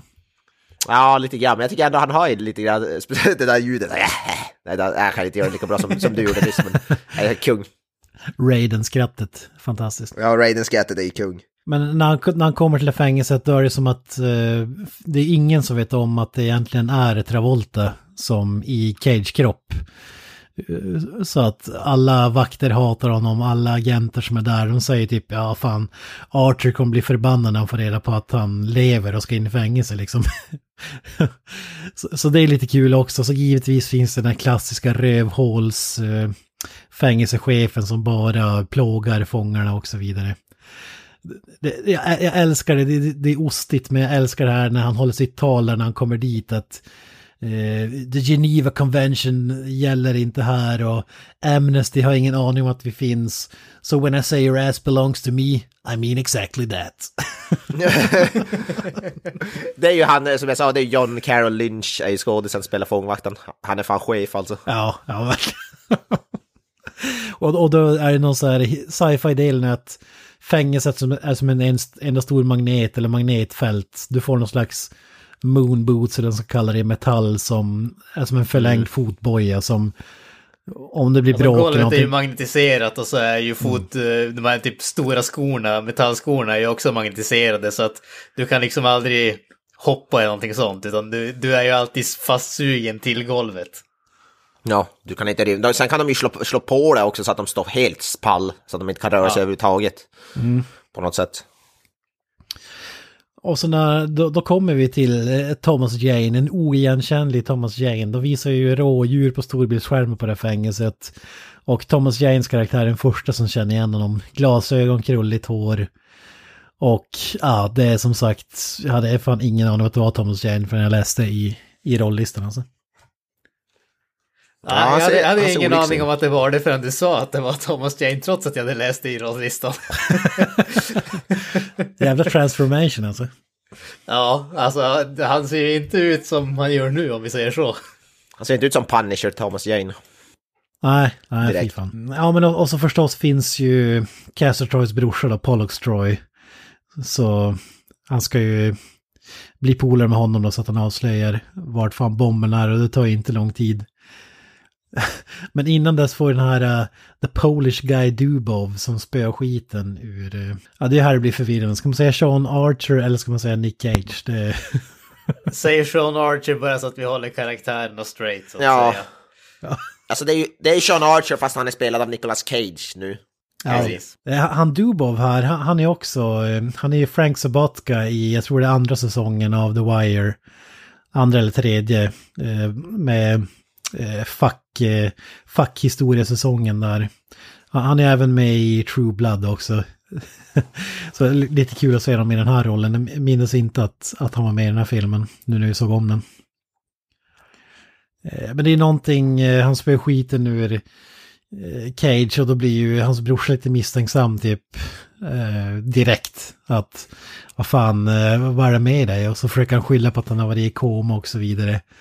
Och så säger han, "Ja, minnet är lite svagt, jag kommer inte ens ihåg varför den här apan eller vad han kallar honom flög på mig. Och, och då berättar ju Pollux Troy att, ja men vad fan, samma dag som han åkte in här så låg det med hans fru och eh, hans syster, eller tror jag det var. Alltså, you had a double sandwich with his wife this day he was sent in here eller något sånt där. det är också så jävla sjukt. Och det comes into play later. Så det är roligt att han bara oh, well no wonder he's so upset. Ja, fy fan. Det är sjukt bra. Ja, men han, han, han avslöjar sig lite grann för att han... Han kallar ju Pollux Troy för bro. Och på den här flygplatsscenen så såg jag att han hatar när han kallar honom för bro, men han säger det upprepade gånger. Och så direkt säger han typ... Typ, vad gjorde de med dig? Har du genomfört någon operation? det går helt ur det blå bara, okej. Eh, Det är ingen som vet om den här face-off-metoden men han typ misstänker direkt att han har gjort en operation, att han inte är honom. Så han ska svara på sådana här frågor. Typ, eh, ja men kan du svara på det här för att bevisa att du är min brorsa ungefär. Vilka Alltså, det- mediciner var det du gav mig? Och Ja. Ja, det, där det, det, där är, det där är så sjukt att det är en topphemlig operation som ingen vet om och ändå så på något sätt misstänker han att det inte är hans brorsa. Ja men, det, är, ja, men alltså, det, det kan jag ändå köpa. Alltså, är det, liksom, det, det är någon som har typ tagit hand om det. Du har sett den varje dag i hela ditt liv. Och så märker du att någonting är off när du liksom inte har sett den på ett tag. Men jag kan ändå förstå misstänksamheten där. Det, det köper jag. Det som jag i så fall har svårare att köpa om, och nu hoppar jag lite grann fram men inte så jättelångt. Det är ju när eh, Kester Troy i form av John Travolta kommer och hämtar han från fängelset och han köper att det är han med Ja. en gång trots att han har liksom hans ärkefiendes ansikte. Det var det jag misstänkte hela tiden. Typ. ja, ja, den, den är ju svårköpt alltså. Den är lite billig att han ja. Ja. misstänker det direkt alltså. Men, men samtidigt så här, då, då får vi ju ännu en Vampires Kiss-skådespelare från Cage vars riktiga kropp vaknar till liv. Eh, han tar ju av på sjukhuset eller eh, vad fan ska jag kalla det, helt obevakat är det. Han tar ju av sig bandaget och inser att hans face is gone. Det är bara blod i fulla ansiktet. och så ser, och så ser han, och så ser han Travoltas ansikte ligga i en sån här Futurama-burk med vatten och guppa. Eh, ja. Ja, han får ju också, vad heter det, han får ju, han blir inte så heller så glad, Nicolas Cage där. Nej, han skriker Han som en jävla panik. delfin eller någonting. Jag vet inte hur man ska förklara det.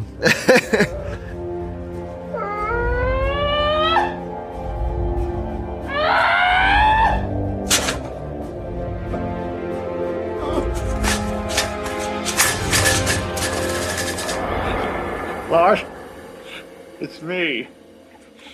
Believe it. Someone. uh, they took. Switched my. For some fucking. But it's cool. We're gonna deal with it.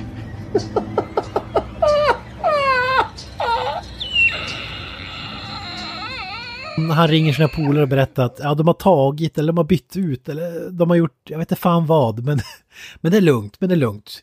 We're gonna deal with it. Och så får vi så här joker, skrattaktigt, det är fantastiskt. Och, och vi har pratat om det tidigare, han älskar ju så här Nosferatu och de här gamla filmerna, alltså typ stum skräckfilmer.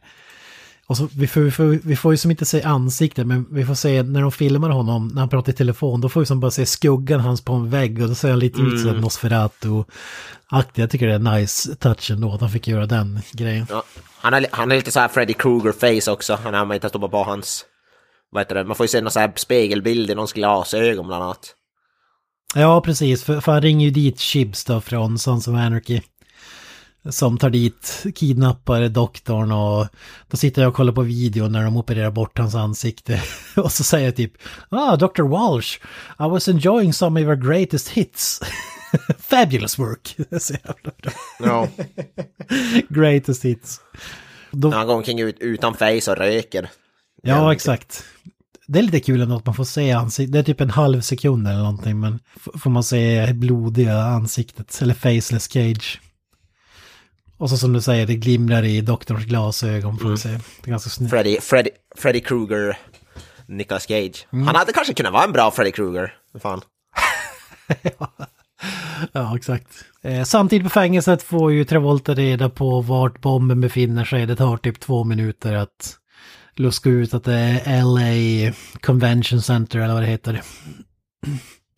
Och eh, Travolta ska ju meddela sin polare då att, ja, han säger typ ja din dumma jävel. Och så går han därifrån och så får han besök och då tror han ju att det är hans polare som, som kommer dit. Så nu ska han äntligen berätta att ja, okej, nu kan ni ta ut mig ur fängelset och så går vi och åker vi och stoppar bomben. Men då är det Travolta himself som dyker upp. Ja. Fast Nicolas Cage karaktär, Caster, är, kontroll, är, är han, så att säga. Komplicerat. Och då får vi för första gången se Travolta spela Cage och det är ju faktiskt fantastiskt. Ja, han gör det faktiskt jävligt bra. Man märker att han har som analyserat Cage i sömmarna lite grann. Ja, men så det, det håller jag definitivt med om. Och sen tycker jag att alltså, även om, som sagt, även om Travolta inte släpper lös på samma sätt som Cage gör så tycker jag att man köper ändå han som karaktären tycker jag. Det känns aldrig som att han är liksom bara en blek imitation av vad karaktären är när Nicolas Cage spelar. Utan det känns, jag köper ändå att han är karaktären. Ja, ja men det är det man gör. Jag, jag såg ett så klipp när de spelade in den här scenen, alltså Travolta säger Oh wait, you're good looking, you're hot! Wee, you good looking. You're hot. Den scenen fick de ta om typ så här tio gånger för att han började bara garva i slutet av den för att han... Det är ju fantastiskt. Det är kanske inte direkt det skådespelet han är van, men jag, håller med. Jag tycker ändå att han lyckas göra en Cage-aktig imitation på något sätt. Det blir lite back and forth och han visar upp eh, ringen då som eh, Sean Archer har lämnat ifrån sig till sin polare och då fattar jag att alla hans polare är döda. Och det visar sig att han har fjuttat på det här äh, institutet och eldat upp alla som, som, som var inblandade. Så ingen vet ju om nu att alla tror att Cage är Cage och Travolta är Travolta. De har ingen aning om att de har bytt kropp med varandra, man ska säga. I'm ready.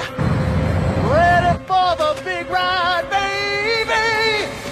Han hittar bland annat frugans dagbok så han får ju lite gratis hjälp där och kan eh, låtsas vara Sean Archer. Och de gökar med varandra, de hånglar med varandra, han raggar på sin egen dotter.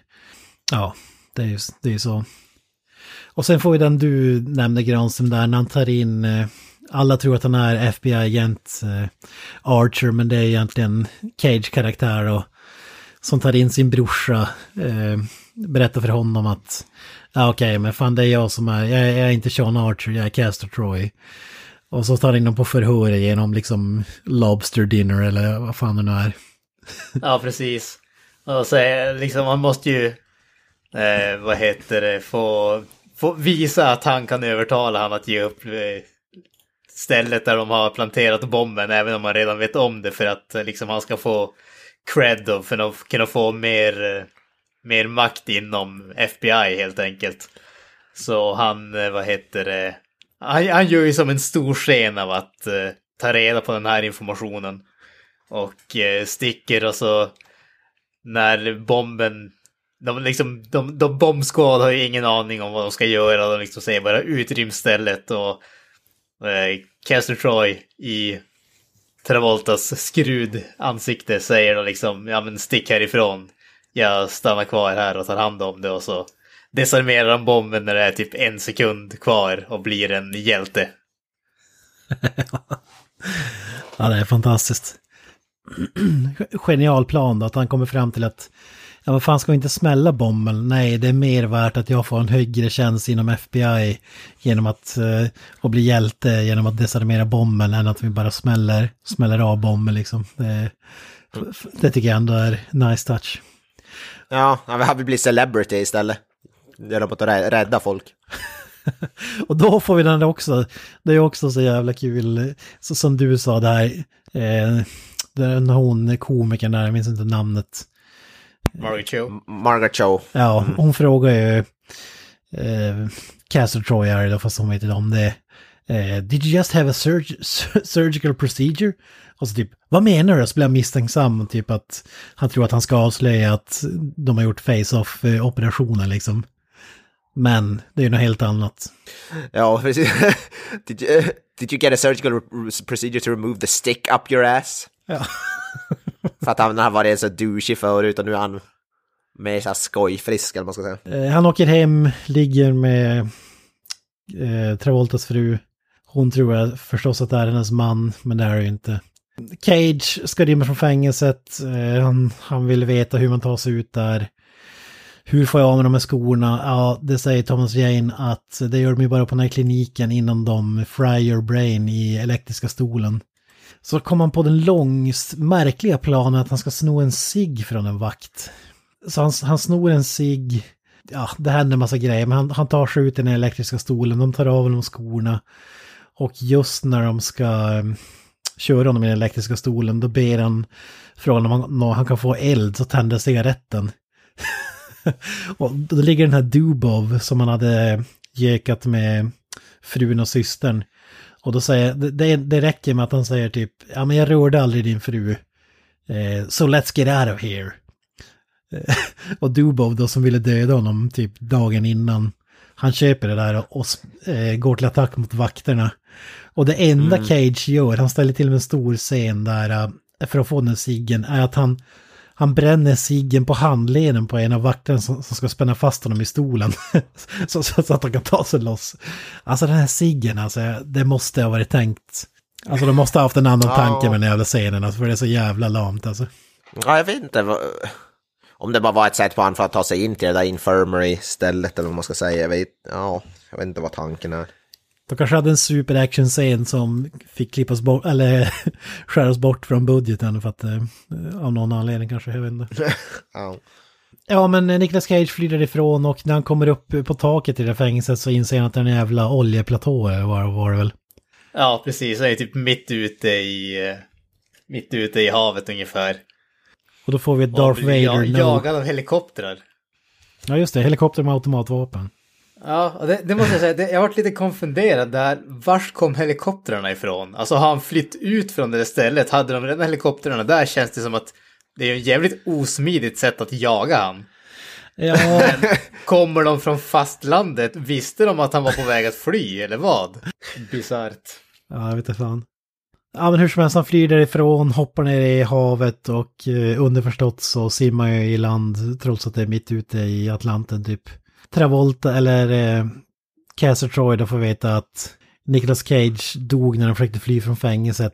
Och då blir jag ju vansinnig när han får höra att de inte har tagit reda på kroppen, precis som i The Rock. Och att de nu måste hitta den för att säkerställa att han har dött. Men han slår ju fast tidigt att, ja men tro mig, han är redan här, tillbaka i LA. han, han har inte dött. ja, nej, nej, det är klart. Cage snor någon bil och det är fantastiskt. Daterar i filmen så in i helvete när han ringer från en sån här äh, biltelefon. Vad fan, har, jag har ju det, jag använder det hela tiden. Jag trodde det var hypermodernt. Det är fantastiskt. En sån där första mobiltelefonen som kom, typ en stor jävla låda som en ryggsäck med typ som man eh, kunde ringa från för 20 kronor minuten. Men han söker upp Nick Cassavetti, alltså Dietrich, som coolaste jävla karaktären i filmen tycker jag, bortsett från Nicolas Cage. Och han säger bland annat You looked at like you fucked your own mother. Och så garvar han. Jag vet inte, hur- undrar hur man ser ut då, det vet jag fan. ja. Han ser helt sliten ut och så vidare. Det är så bra där han går ut, de går ut till hans någon jävla penthouse-liknande ställe när de har någon fest och tar massa droger typ. Mm. Men eftersom han är ju Sean Archer nu vid det här tillfället, han är ju inte kanske lika van att ta massa sådana tunga droger som The Caster är. Ja, för, det- för att Dietrich är ju ledaren då för hans gamla gäng och han ska ju lura dem då att han fortfarande är eh, Caster Troy så att de kan hjälpa honom att döda Sean Archer, alltså Travolta. Fan det är så jävla bra när han, för han ger ju han någon drink där med någon drog i typ eller något. Så det är då han har det här pratet om "Uh, I wanna take his face off. Ja, Ja, fan vad bra. Hela den monologen är ju så sjukt bra. och så står han som så här Hamlet-posen med face off. Ja. I wanna take his face off. och, och så han Dieter frågar bara, you wanna take his face off?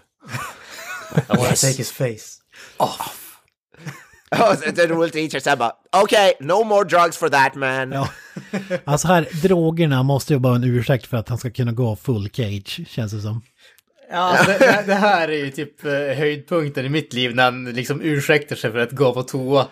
Och så börjar han eh, liksom se sig själv i spegeln och liksom I am Sean Archer. I am Sean Archer. I am not Archer. Och liksom håller på sådär och så han det liksom maniska ansiktsuttrycket som han hade i eh, vad heter det, vampyrfilmen där han verkligen spänner ut käken och visar tänderna och spärrar upp ögonen och allting. Och liksom, ah. Alltså det, det enda som man saknar det är ju liksom vampyrtänderna. Ja, ja, ja. Plasttänderna. Precis. Men jag tycker det är fantastiskt också när han har tagit knark och däckar i sängen. Och så när han kliver upp och ser sig själv i spegeln och drar han ju vapnet för, han, han, har glömt bort där att han är ju Sean, alltså att han inte, han är Castor Troy numera, han är inte Sean Archer. Ja, det är fantastiskt. You want to take his face? Yes. His face. Oh. The eyes. Nose. Skin. It's coming off. The face. Det här får vi ju två stycken viktiga grejer. Det är ju dels eh, Gina Gershon som Sasha, som är en, vad ska man säga, en gammal flamma av eh, Troy. Och dessutom så får vi ju reda på att eh, hon har en son som då även är eh, hans son Adam som är typ, vet jag vad är han, fyra, fem år gammal, någonting åt det hållet. Och då får vi det här, eh, vad ska man säga, samvetsbiten med eh, Archer då som, när, när hon liksom introducerar den här pojken och säger liksom hälsa på din pappa och sådär och han får ju flashbacks till sin egen son Michael då, som han hette och börjar kalla, liksom krama ungen för hårt och kalla han Michael och sådär och liksom skärrar han och sådär och börjar bete sig lite instabilt om vi säger så. För ungen där, ungen där ser väl typ exakt ut som hans son nästan i början. Det skulle inte ens förvåna mig om det var samma skådis. Men typ- Ja, det vet jag. De, därför- de, de är i samma ålder i alla fall, snarlikt utseende. Ja. i alla fall säga. Ja. Ja, det var därför han blir förvånad, för de är ju typ rätt lika ändå. Ja.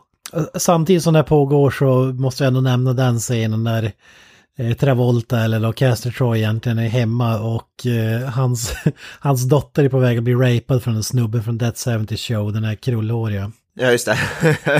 Han sitter ute i någon korvett eller någonting på infarten. Hon skriker på sin farsa typ. Ja men som att den jäveln skulle bry sig. Han, han skiter väl i dig. Och då, då kommer ju Travolta och stampar sönder rutan på bilen. Drar ut honom och mosar honom mot bilen. Och tvingar han be om ursäkt. Och då får vi en av de bästa replikerna i hela filmen tycker jag. Dress up like Halloween and ghouls will try to get in your pants. Och då visar ju han, hon, han ger henne en butterfly-kniv och säger att hon ska stäba honom i låret nästa gång och så vrida om så att såret inte läker igen. Precis. Do you have protection? Like condoms? Och då håller han fram kniven. Ja. Protection. Alltså, jag, jag tycker om det, det här är så typexemplet på onödig slow motion. Han, han tar fram kniven, så han hå- bara håller kniven men det är i slow motion Ja. det också. Ja, det är så meningslöst. Det är så här slow motion när folk bara räcker över saker. Alltså typ som ringen där, han bara räcker över den. Det är i slow motion, typ så här. Helt meningslöst. Ja, men vi, vi får en ganska cool actionscen då där vi klipper tillbaka till eh, partyt där på den här lyxvåningen. Det flyger en rö rökgranat genom fönstret och då är det ju Travolta har tagit dit hela jävla SWAT-team som ska skjuta ihjäl eh, Caster Droid och Nicolas Cage. Det är många coola scener där eh, folk dör och så Dietrich går i slow motion och hämtar ett vapen som jag tycker är jävligt coolt. Och så säger han bara I hate cops innan han skjuter ihjäl en med en hagelbössa. Jag tycker det är fantastiskt. FBI sparar ju inte på kulorna. Vi har ju typ så här prostituerade som flyger över borden av rekylen och typ så här, ja det är riktigt jävla mayhem alltså. Och den här filmen ger ju Robocop a run for its money med folk som flyger genom rutor. Alltså helvete vad många fönster som krossas i den här scenen. Fan, fönsterkostnaden i den här filmen. Mycket sockerglas som gick åt under den här inspelningen. Ja, precis. ja, Ja, jag, må- jag måste säga att jag tycker att den här scenen avslutas ju helt fantastiskt. Alltså när vi har eh, Sean Archer och eh, Castor Troy på varsin sida av en, eh, av en spegel. Och eh, liksom eh, Castor i, eh, Travolta skrud än en gång då säger liksom jag tycker bättre om att vara mig och du tycker bättre om att vara dig. Så man säger som att vi bara byter, liksom, eh, byter tillbaka ansiktena. och eh, Cage, eller vad heter det, Sean Archer och svarar bara du kan aldrig ge tillbaka det du tog för mig. Nej, okej, plan B då. Vi dödar bara varandra. Ja, let's just kill each other. det är så jävla bra. Plan B. Let's just kill each other. Jag gillar ändå den där symboliken med när de kollar i som spegeln där också, att de, de ser ju, si, de ser ju sina... Sina egna ansikten. De, de ser sina fiender som Ja, är de exakt. själva så att säga. Ja, Nej, det, exakt. det är faktiskt jävligt snyggt gjort. Jag måste säga att den där hela spegelsekvensen tycker jag är nog en av de snyggaste i hela filmen. Alltså rent eh, ba- bara sättet som sättet det ser ut på så att säga. Eller även det här äh, med ungen som när han går, när det sprängs där så har han hörlurar på sig och lyssnar på någon, vad heter det, Are somewhere over the rainbow eller något där. Ja, precis. Den, den Eh, tycker jag är snygg scen ändå. Jag tyckte om den biten, men jag tyckte inte om låten. Jag, har, alltså, jag, vet, jag tror att det är någon sån här grej från typ musiken i lågstadiet när vi skulle sjunga den där jävla låten. Jag, jag, har, alltså, jag har något sånt där oresonligt hat för den där låten och jag vet inte varför, men jag tycker inte om den och jag hatar den varje gång jag hör den. Det spelar ingen roll vem som sjunger den eller någonting sånt, men det är bara, nej. Det, är- det är någonting i mig som bara säger, sparkar bakut när jag hör den. Det roliga är ju faktiskt att det är faktiskt roligt vem det är som sjunger, för det är inte originallåten. Utan det är Olivia Newton-John som sjunger låten. eh. Som är, är från Grease. Jajamän, Ja, Grease, Travolta och hon hade huvudrollen i Grease. Så det är lite kul. Det, det var ju John Woos idé att ha med låten. Sandy! Ja, Ja, det är Sa- Sandy. Ja, det är ju ingen, det är ju ingen slump att, det, att Olivia Newton-John. nej, nej, jag tycker det är fantastiskt att hon har en låt i Face-Off. Det, det är magiskt. Det, det är ganska underbart måste jag erkänna. Ja, det, han är djup, John Woo, jag säger det. Oväntat djup, uppenbarligen. Ja. Äh, ja, det hade kanske kunnat gjorts bättre, men jag, jag köper den då. Kö- Köper man spegelscenen får man köpa den också. Fan. Ja, ja. En av de viktiga grejerna här är ju då att eh, i direkt anslutning till det här, eller direkt, direkt avslutning till det här, flyr ju eh, Sean Archer. Han flyr ju ut på taket. Och eh, där så stöter han ju på eh, Pollux, visst är det så han heter brorsan? Jajamän. Mm, exakt. Eh, stöter på brorsan och eh, lyckas då döda han genom att han typ... Eh, alltså jag, jag förstod inte riktigt vad det var som hände. Han, han typ åker... Han ska åka iväg men han åker tillbaka och lyckas typ putta ner han genom ett takfönster.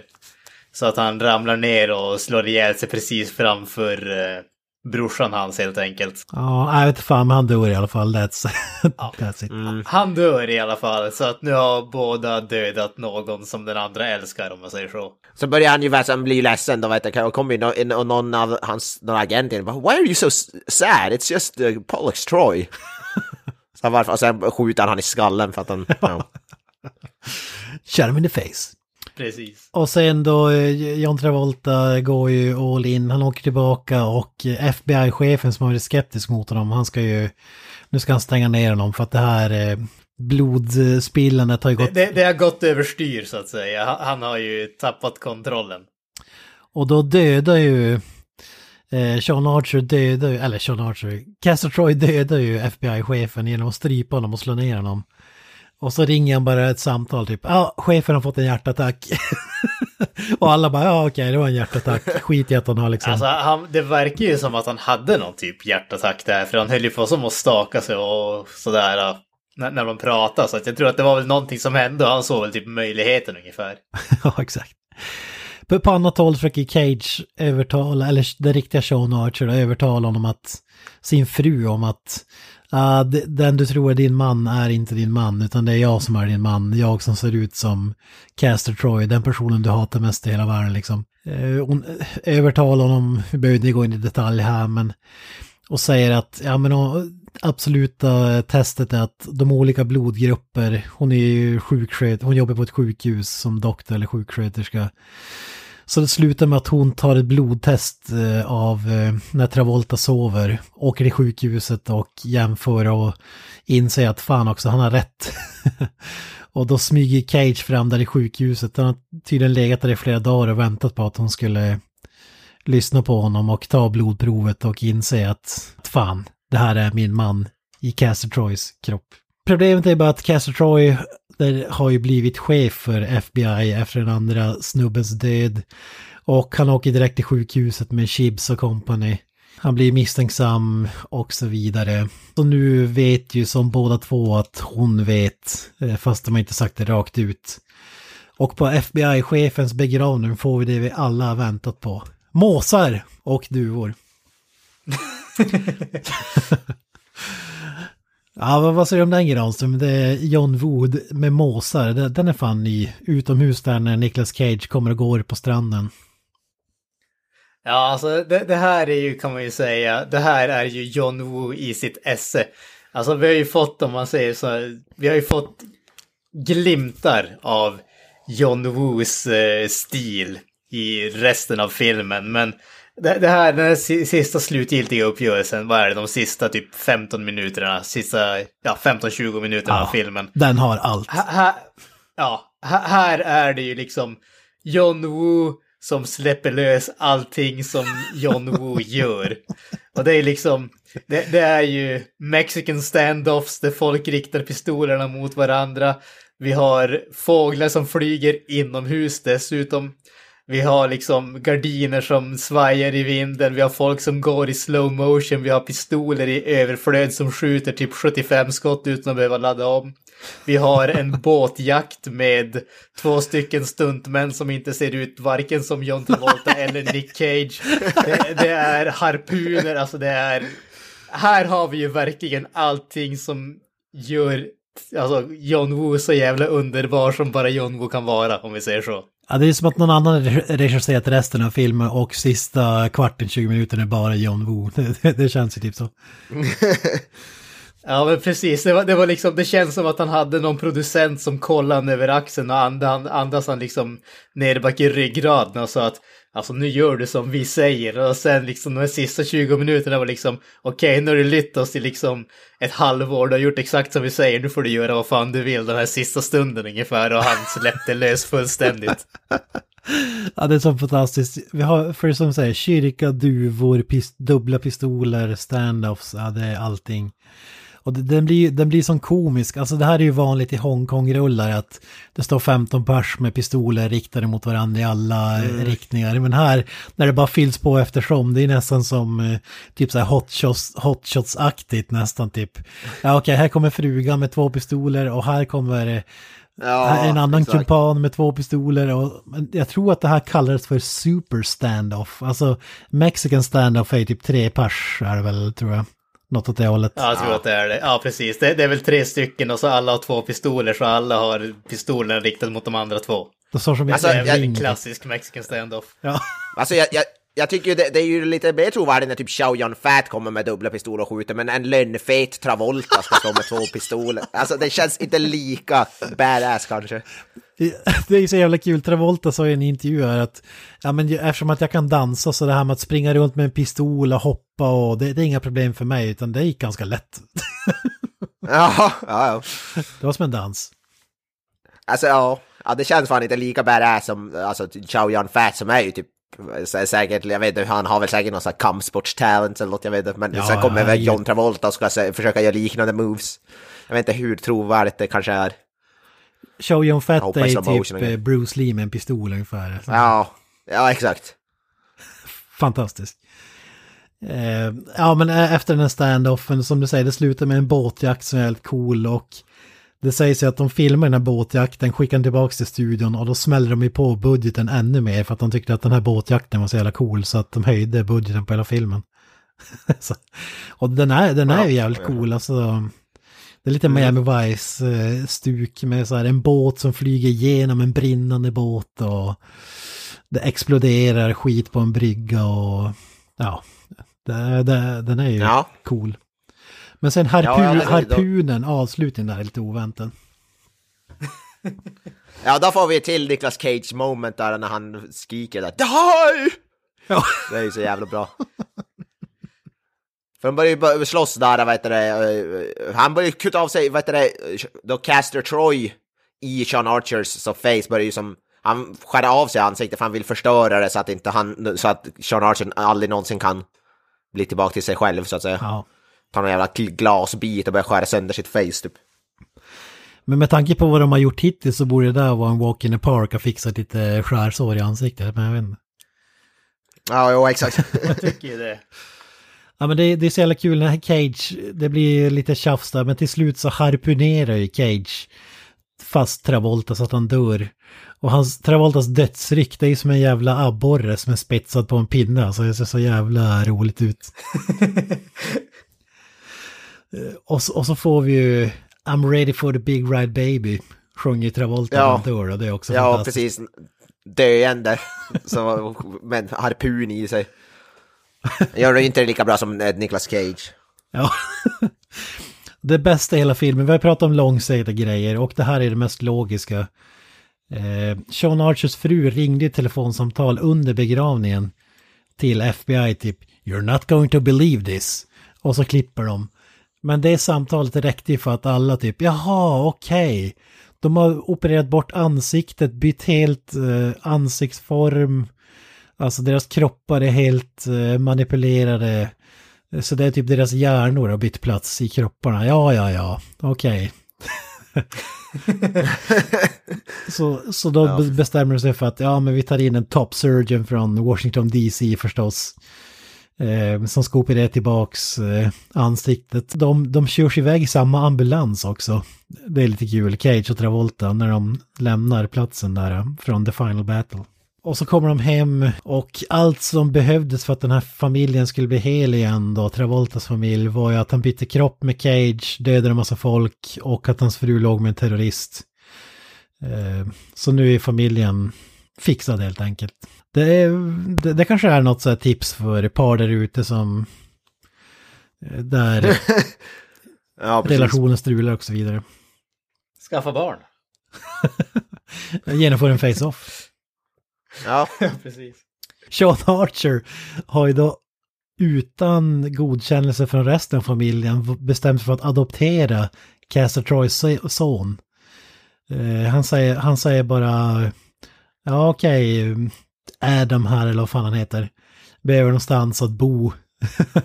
och så typ, jaha, okej. Och så säger han till sin dotter då, kan du visa honom hans rum? Okej, kom igen. Och så drar hon sina korvfingrar över hans face. Och så springer de iväg. Alltså det är jävligt creepy det här med att han vill ha en slags surrogatson för att ersätta sin döde son och han tar sin värsta fiendes son som replacement. Jag vet inte vad ni säger. Alltså jag, jag säger det här som eh, liksom utpressning, alltså liksom om det skulle visa sig att han har typ överlevt och tagit någon annan snubbes ansikte eller någonting sånt, så då kommer han bara liksom mörda ungjäveln, det är typ det. Nej men det är det här uppfyller den här. Han växer upp och inser att fan min farsa är inte min farsa. Utan min farsa har dödat min farsa med min farsas kropp. jag tänker att de ska göra någon, ta, gräva upp hans döda sons lik och göra en face-off. Ja, ja men exakt. Det visar sig att de har sparat ansiktet till någon så här, äh, alltså typ stopp, Ja, alltså- som ett uppstoppat djur eller någonting. Och så gör en face-off, opererar dit Cage ansikte. Ah, fy fan vad magiskt det hade varit alltså. Ja, Ja men eh, efter adoptionen där, det är the end. Så slutar den. Alltså, Ja. ju- det är en sån här group hug typ och sen slut. det var face-off. Ja vad säger ni, håller den så här äh, x antal år senare eller? Ja, han är djävulskt. Absolut, måste jag säga. Även om jag ska erkänna att eh, jag tycker väl av den här, om man ska kalla det Cage eh, 90-talstrilogin som är eh, Con Air, The Rock och den här filmen så tycker jag väl att de andra två eh, har ett högre underhållningsvärde. Men jag, jag tycker alltså jämför man den med gemen actionfilm så är den ju fortfarande liksom så mycket bättre än det mesta som pumpas ut. Det, det absolut. Det, den är fortfarande liksom en, en stjärna bland uh, turds i mångt och mycket. ja, jag, jag håller med. Jag tycker den håller den. Även om jag också håller med om att den är trea i trilogin i favoritfilmer. The Rock 1, Con Air 2 och den här 3. Vi säger trilogi, men det är vår egen tolkning. Det känns som att filmerna hör ihop trots att de inte har någonting annat än Nicolas Cage gemensamt. Typ. Nej. Ja, men alltså, Jag gillar, jag, jag gillar nog ändå den här mer än Conair faktiskt. Eh, The Rock är nog klart bäst, men jag gillar nog faktiskt, jag tycker den här, jag tycker Face-Off är bättre än Conair. Måste jag säga. Mm. Ja men alltså det, det coola är ju att det, det här var ju liksom, han gjorde ju de här efter varandra Cage alltså. Det var ju liksom The Rock Conner och den här. Så det var ju liksom Ja. hit på hit på hit. Det, det är liksom hur många kan säga att de har gjort det direkt. Nej, Ja, sant. ja, det är riktigt hattrick alltså. Ja. Det är ju, ja, det, det sägs ju vara en av de så här riktigt eh, sista 90-tals actionfilmerna. Och det, det kan jag hålla med om, alltså. Och det är ju jävligt synd, alltså även om det börjar komma tillbaka lite, John Wick är väl lite det stuket, ändå med lite mer modern touch då, men den typen av Mm. filmer, alltså det, man saknar dem, helt klart. Ja, ja. Inte bara massa CGI-schmammel. Alltså full pott, såklart. Ja, ja. Som allt Nick Cage. Alltså Nick Cage och John Woo, det är... Alltså det var ju sån där kombo som man bara kunde drömma om och så blev det en verklighet. Jag tycker det är fantastiskt. Ja. Ja, alltså jag, jag kan inte annat än hålla med där. Det, det är ju en eh, kombination som är skapt i himlen om man ska säga så. Alltså det, det är... Mm. De, de ly- lyckas verkligen få ut det bästa av varandra tycker jag. Ja, absolut. Absolut, absolut. Ja, men det var Ja. väl ansikte av. Ja. Ska vi dra Nicolas Cage ansikte i säcken? Det tycker jag. Eh, ja. Huh. Man blir ju alldeles till sig när man pratar Nicky Cage alltså. Fy fan. Erotisk karl det där. Mycket. Ja, jag vet vad jag ska klä ut mig till halloween. En eh, vad heter det, he- headbangande Nicolas Cage-präst ska jag klä ut mig till. Måste raka munkfrillan också. Ja fan vad den, det glömde vi säga, men han har ju någon eh, frillan han har där i början, han är den där prästen, han har ju någon typ av munkfrilla, den är ju magisk också. Ja, ja, ja. Alltså det är ju, ja fan vad kung den är. Det finns ju inte en ju- Cage-film utan en magisk frisyr, så är det. Nej, och de är ju alla, borde ju alla vara på museum, för att de är så vackra. Nej men gott folk, eh, vi säger väl så. Ni har lyssnat på Creative Meltdown Podcast. Vi finns på sociala medier, Instagram, Twitter, Facebook. Eh, vi har en hemsida, creativemeltdownpod.wordpress.com. Eh, brukar vi lä- lägga upp lite fräckt material som någon viss man som, som är MIA fortfarande. Vi vet inte var han håller husen här karln. Oops, nu höll jag på att tappa min mobiltelefon. Han bunkrar ju fortfarande. Nej, jag vet-. Ja, ja alltså han har väl fullt sjå med allt jävla dasspapper han har bunk- bunkrat upp. Ja, men så är det. Ja, ja, ja. Jag, kan, jag får ju fan inte vad heter det, tag i dasspapper här hemma själv. Kalle har varit hit och vad heter det, bunkra upp också. Använder du snäckskal? The Snäckskal? three seashells. ja, inte än. Du, du står bara och svär på fönstret och förväntar dig att det ska komma papper någonstans, men det händer aldrig. Ja, ja, ja, Det är exakt. där vi kommer landa i three seashells. I'm Alltså. two weeks unwiped! Fy fan. Jag, jag kommer till det här stadiet och jag bara, måste börja vad heter det, seriöst tänka på vilka t-shirts jag kan använda för att wipa. Har du ingen mind on t-shirt? Ja, ja men de, de röker, de röker ju innan Fan, det är ju toalettpappret. en släktklenod. Ja, innan, innan, toalettpappret, ja. Ja, ja fan toalettpappret är mer värt än Mindhorn-skjortan, höll jag på att säga. Ja, herre jävlar alltså. Det är ju gull i jämförelse. Ja. ja, vi får väl se när Kalle dyker upp igen. Vi har ingen koll. Men eh, tills vidare som sagt. Eh, vi hörs nästa vecka. Vi, får inte, vi har nog inte riktigt bestämt vad som blir då, men vi får se om det... Vi har, det har talats om kanske någon sån här, fortsätta med lite John Woo-filmer, så vi får se vad som händer där. Annars kommer vi väl säkert komma med lite mer Freddy Krueger och Elm Street och så vidare. Åh, fy fan. Men för fan vad glada vi blir, för de hör ju lyck, Ja. lyckan. Jublet i bakgrunden. Ja. Ah, ja, men jag säger i alla fall peace out och jag vet inte, Granström, vill du tillägga något? Hail Satan. Och up the irons. Bye. That's it, man. Game over, man. It's game over.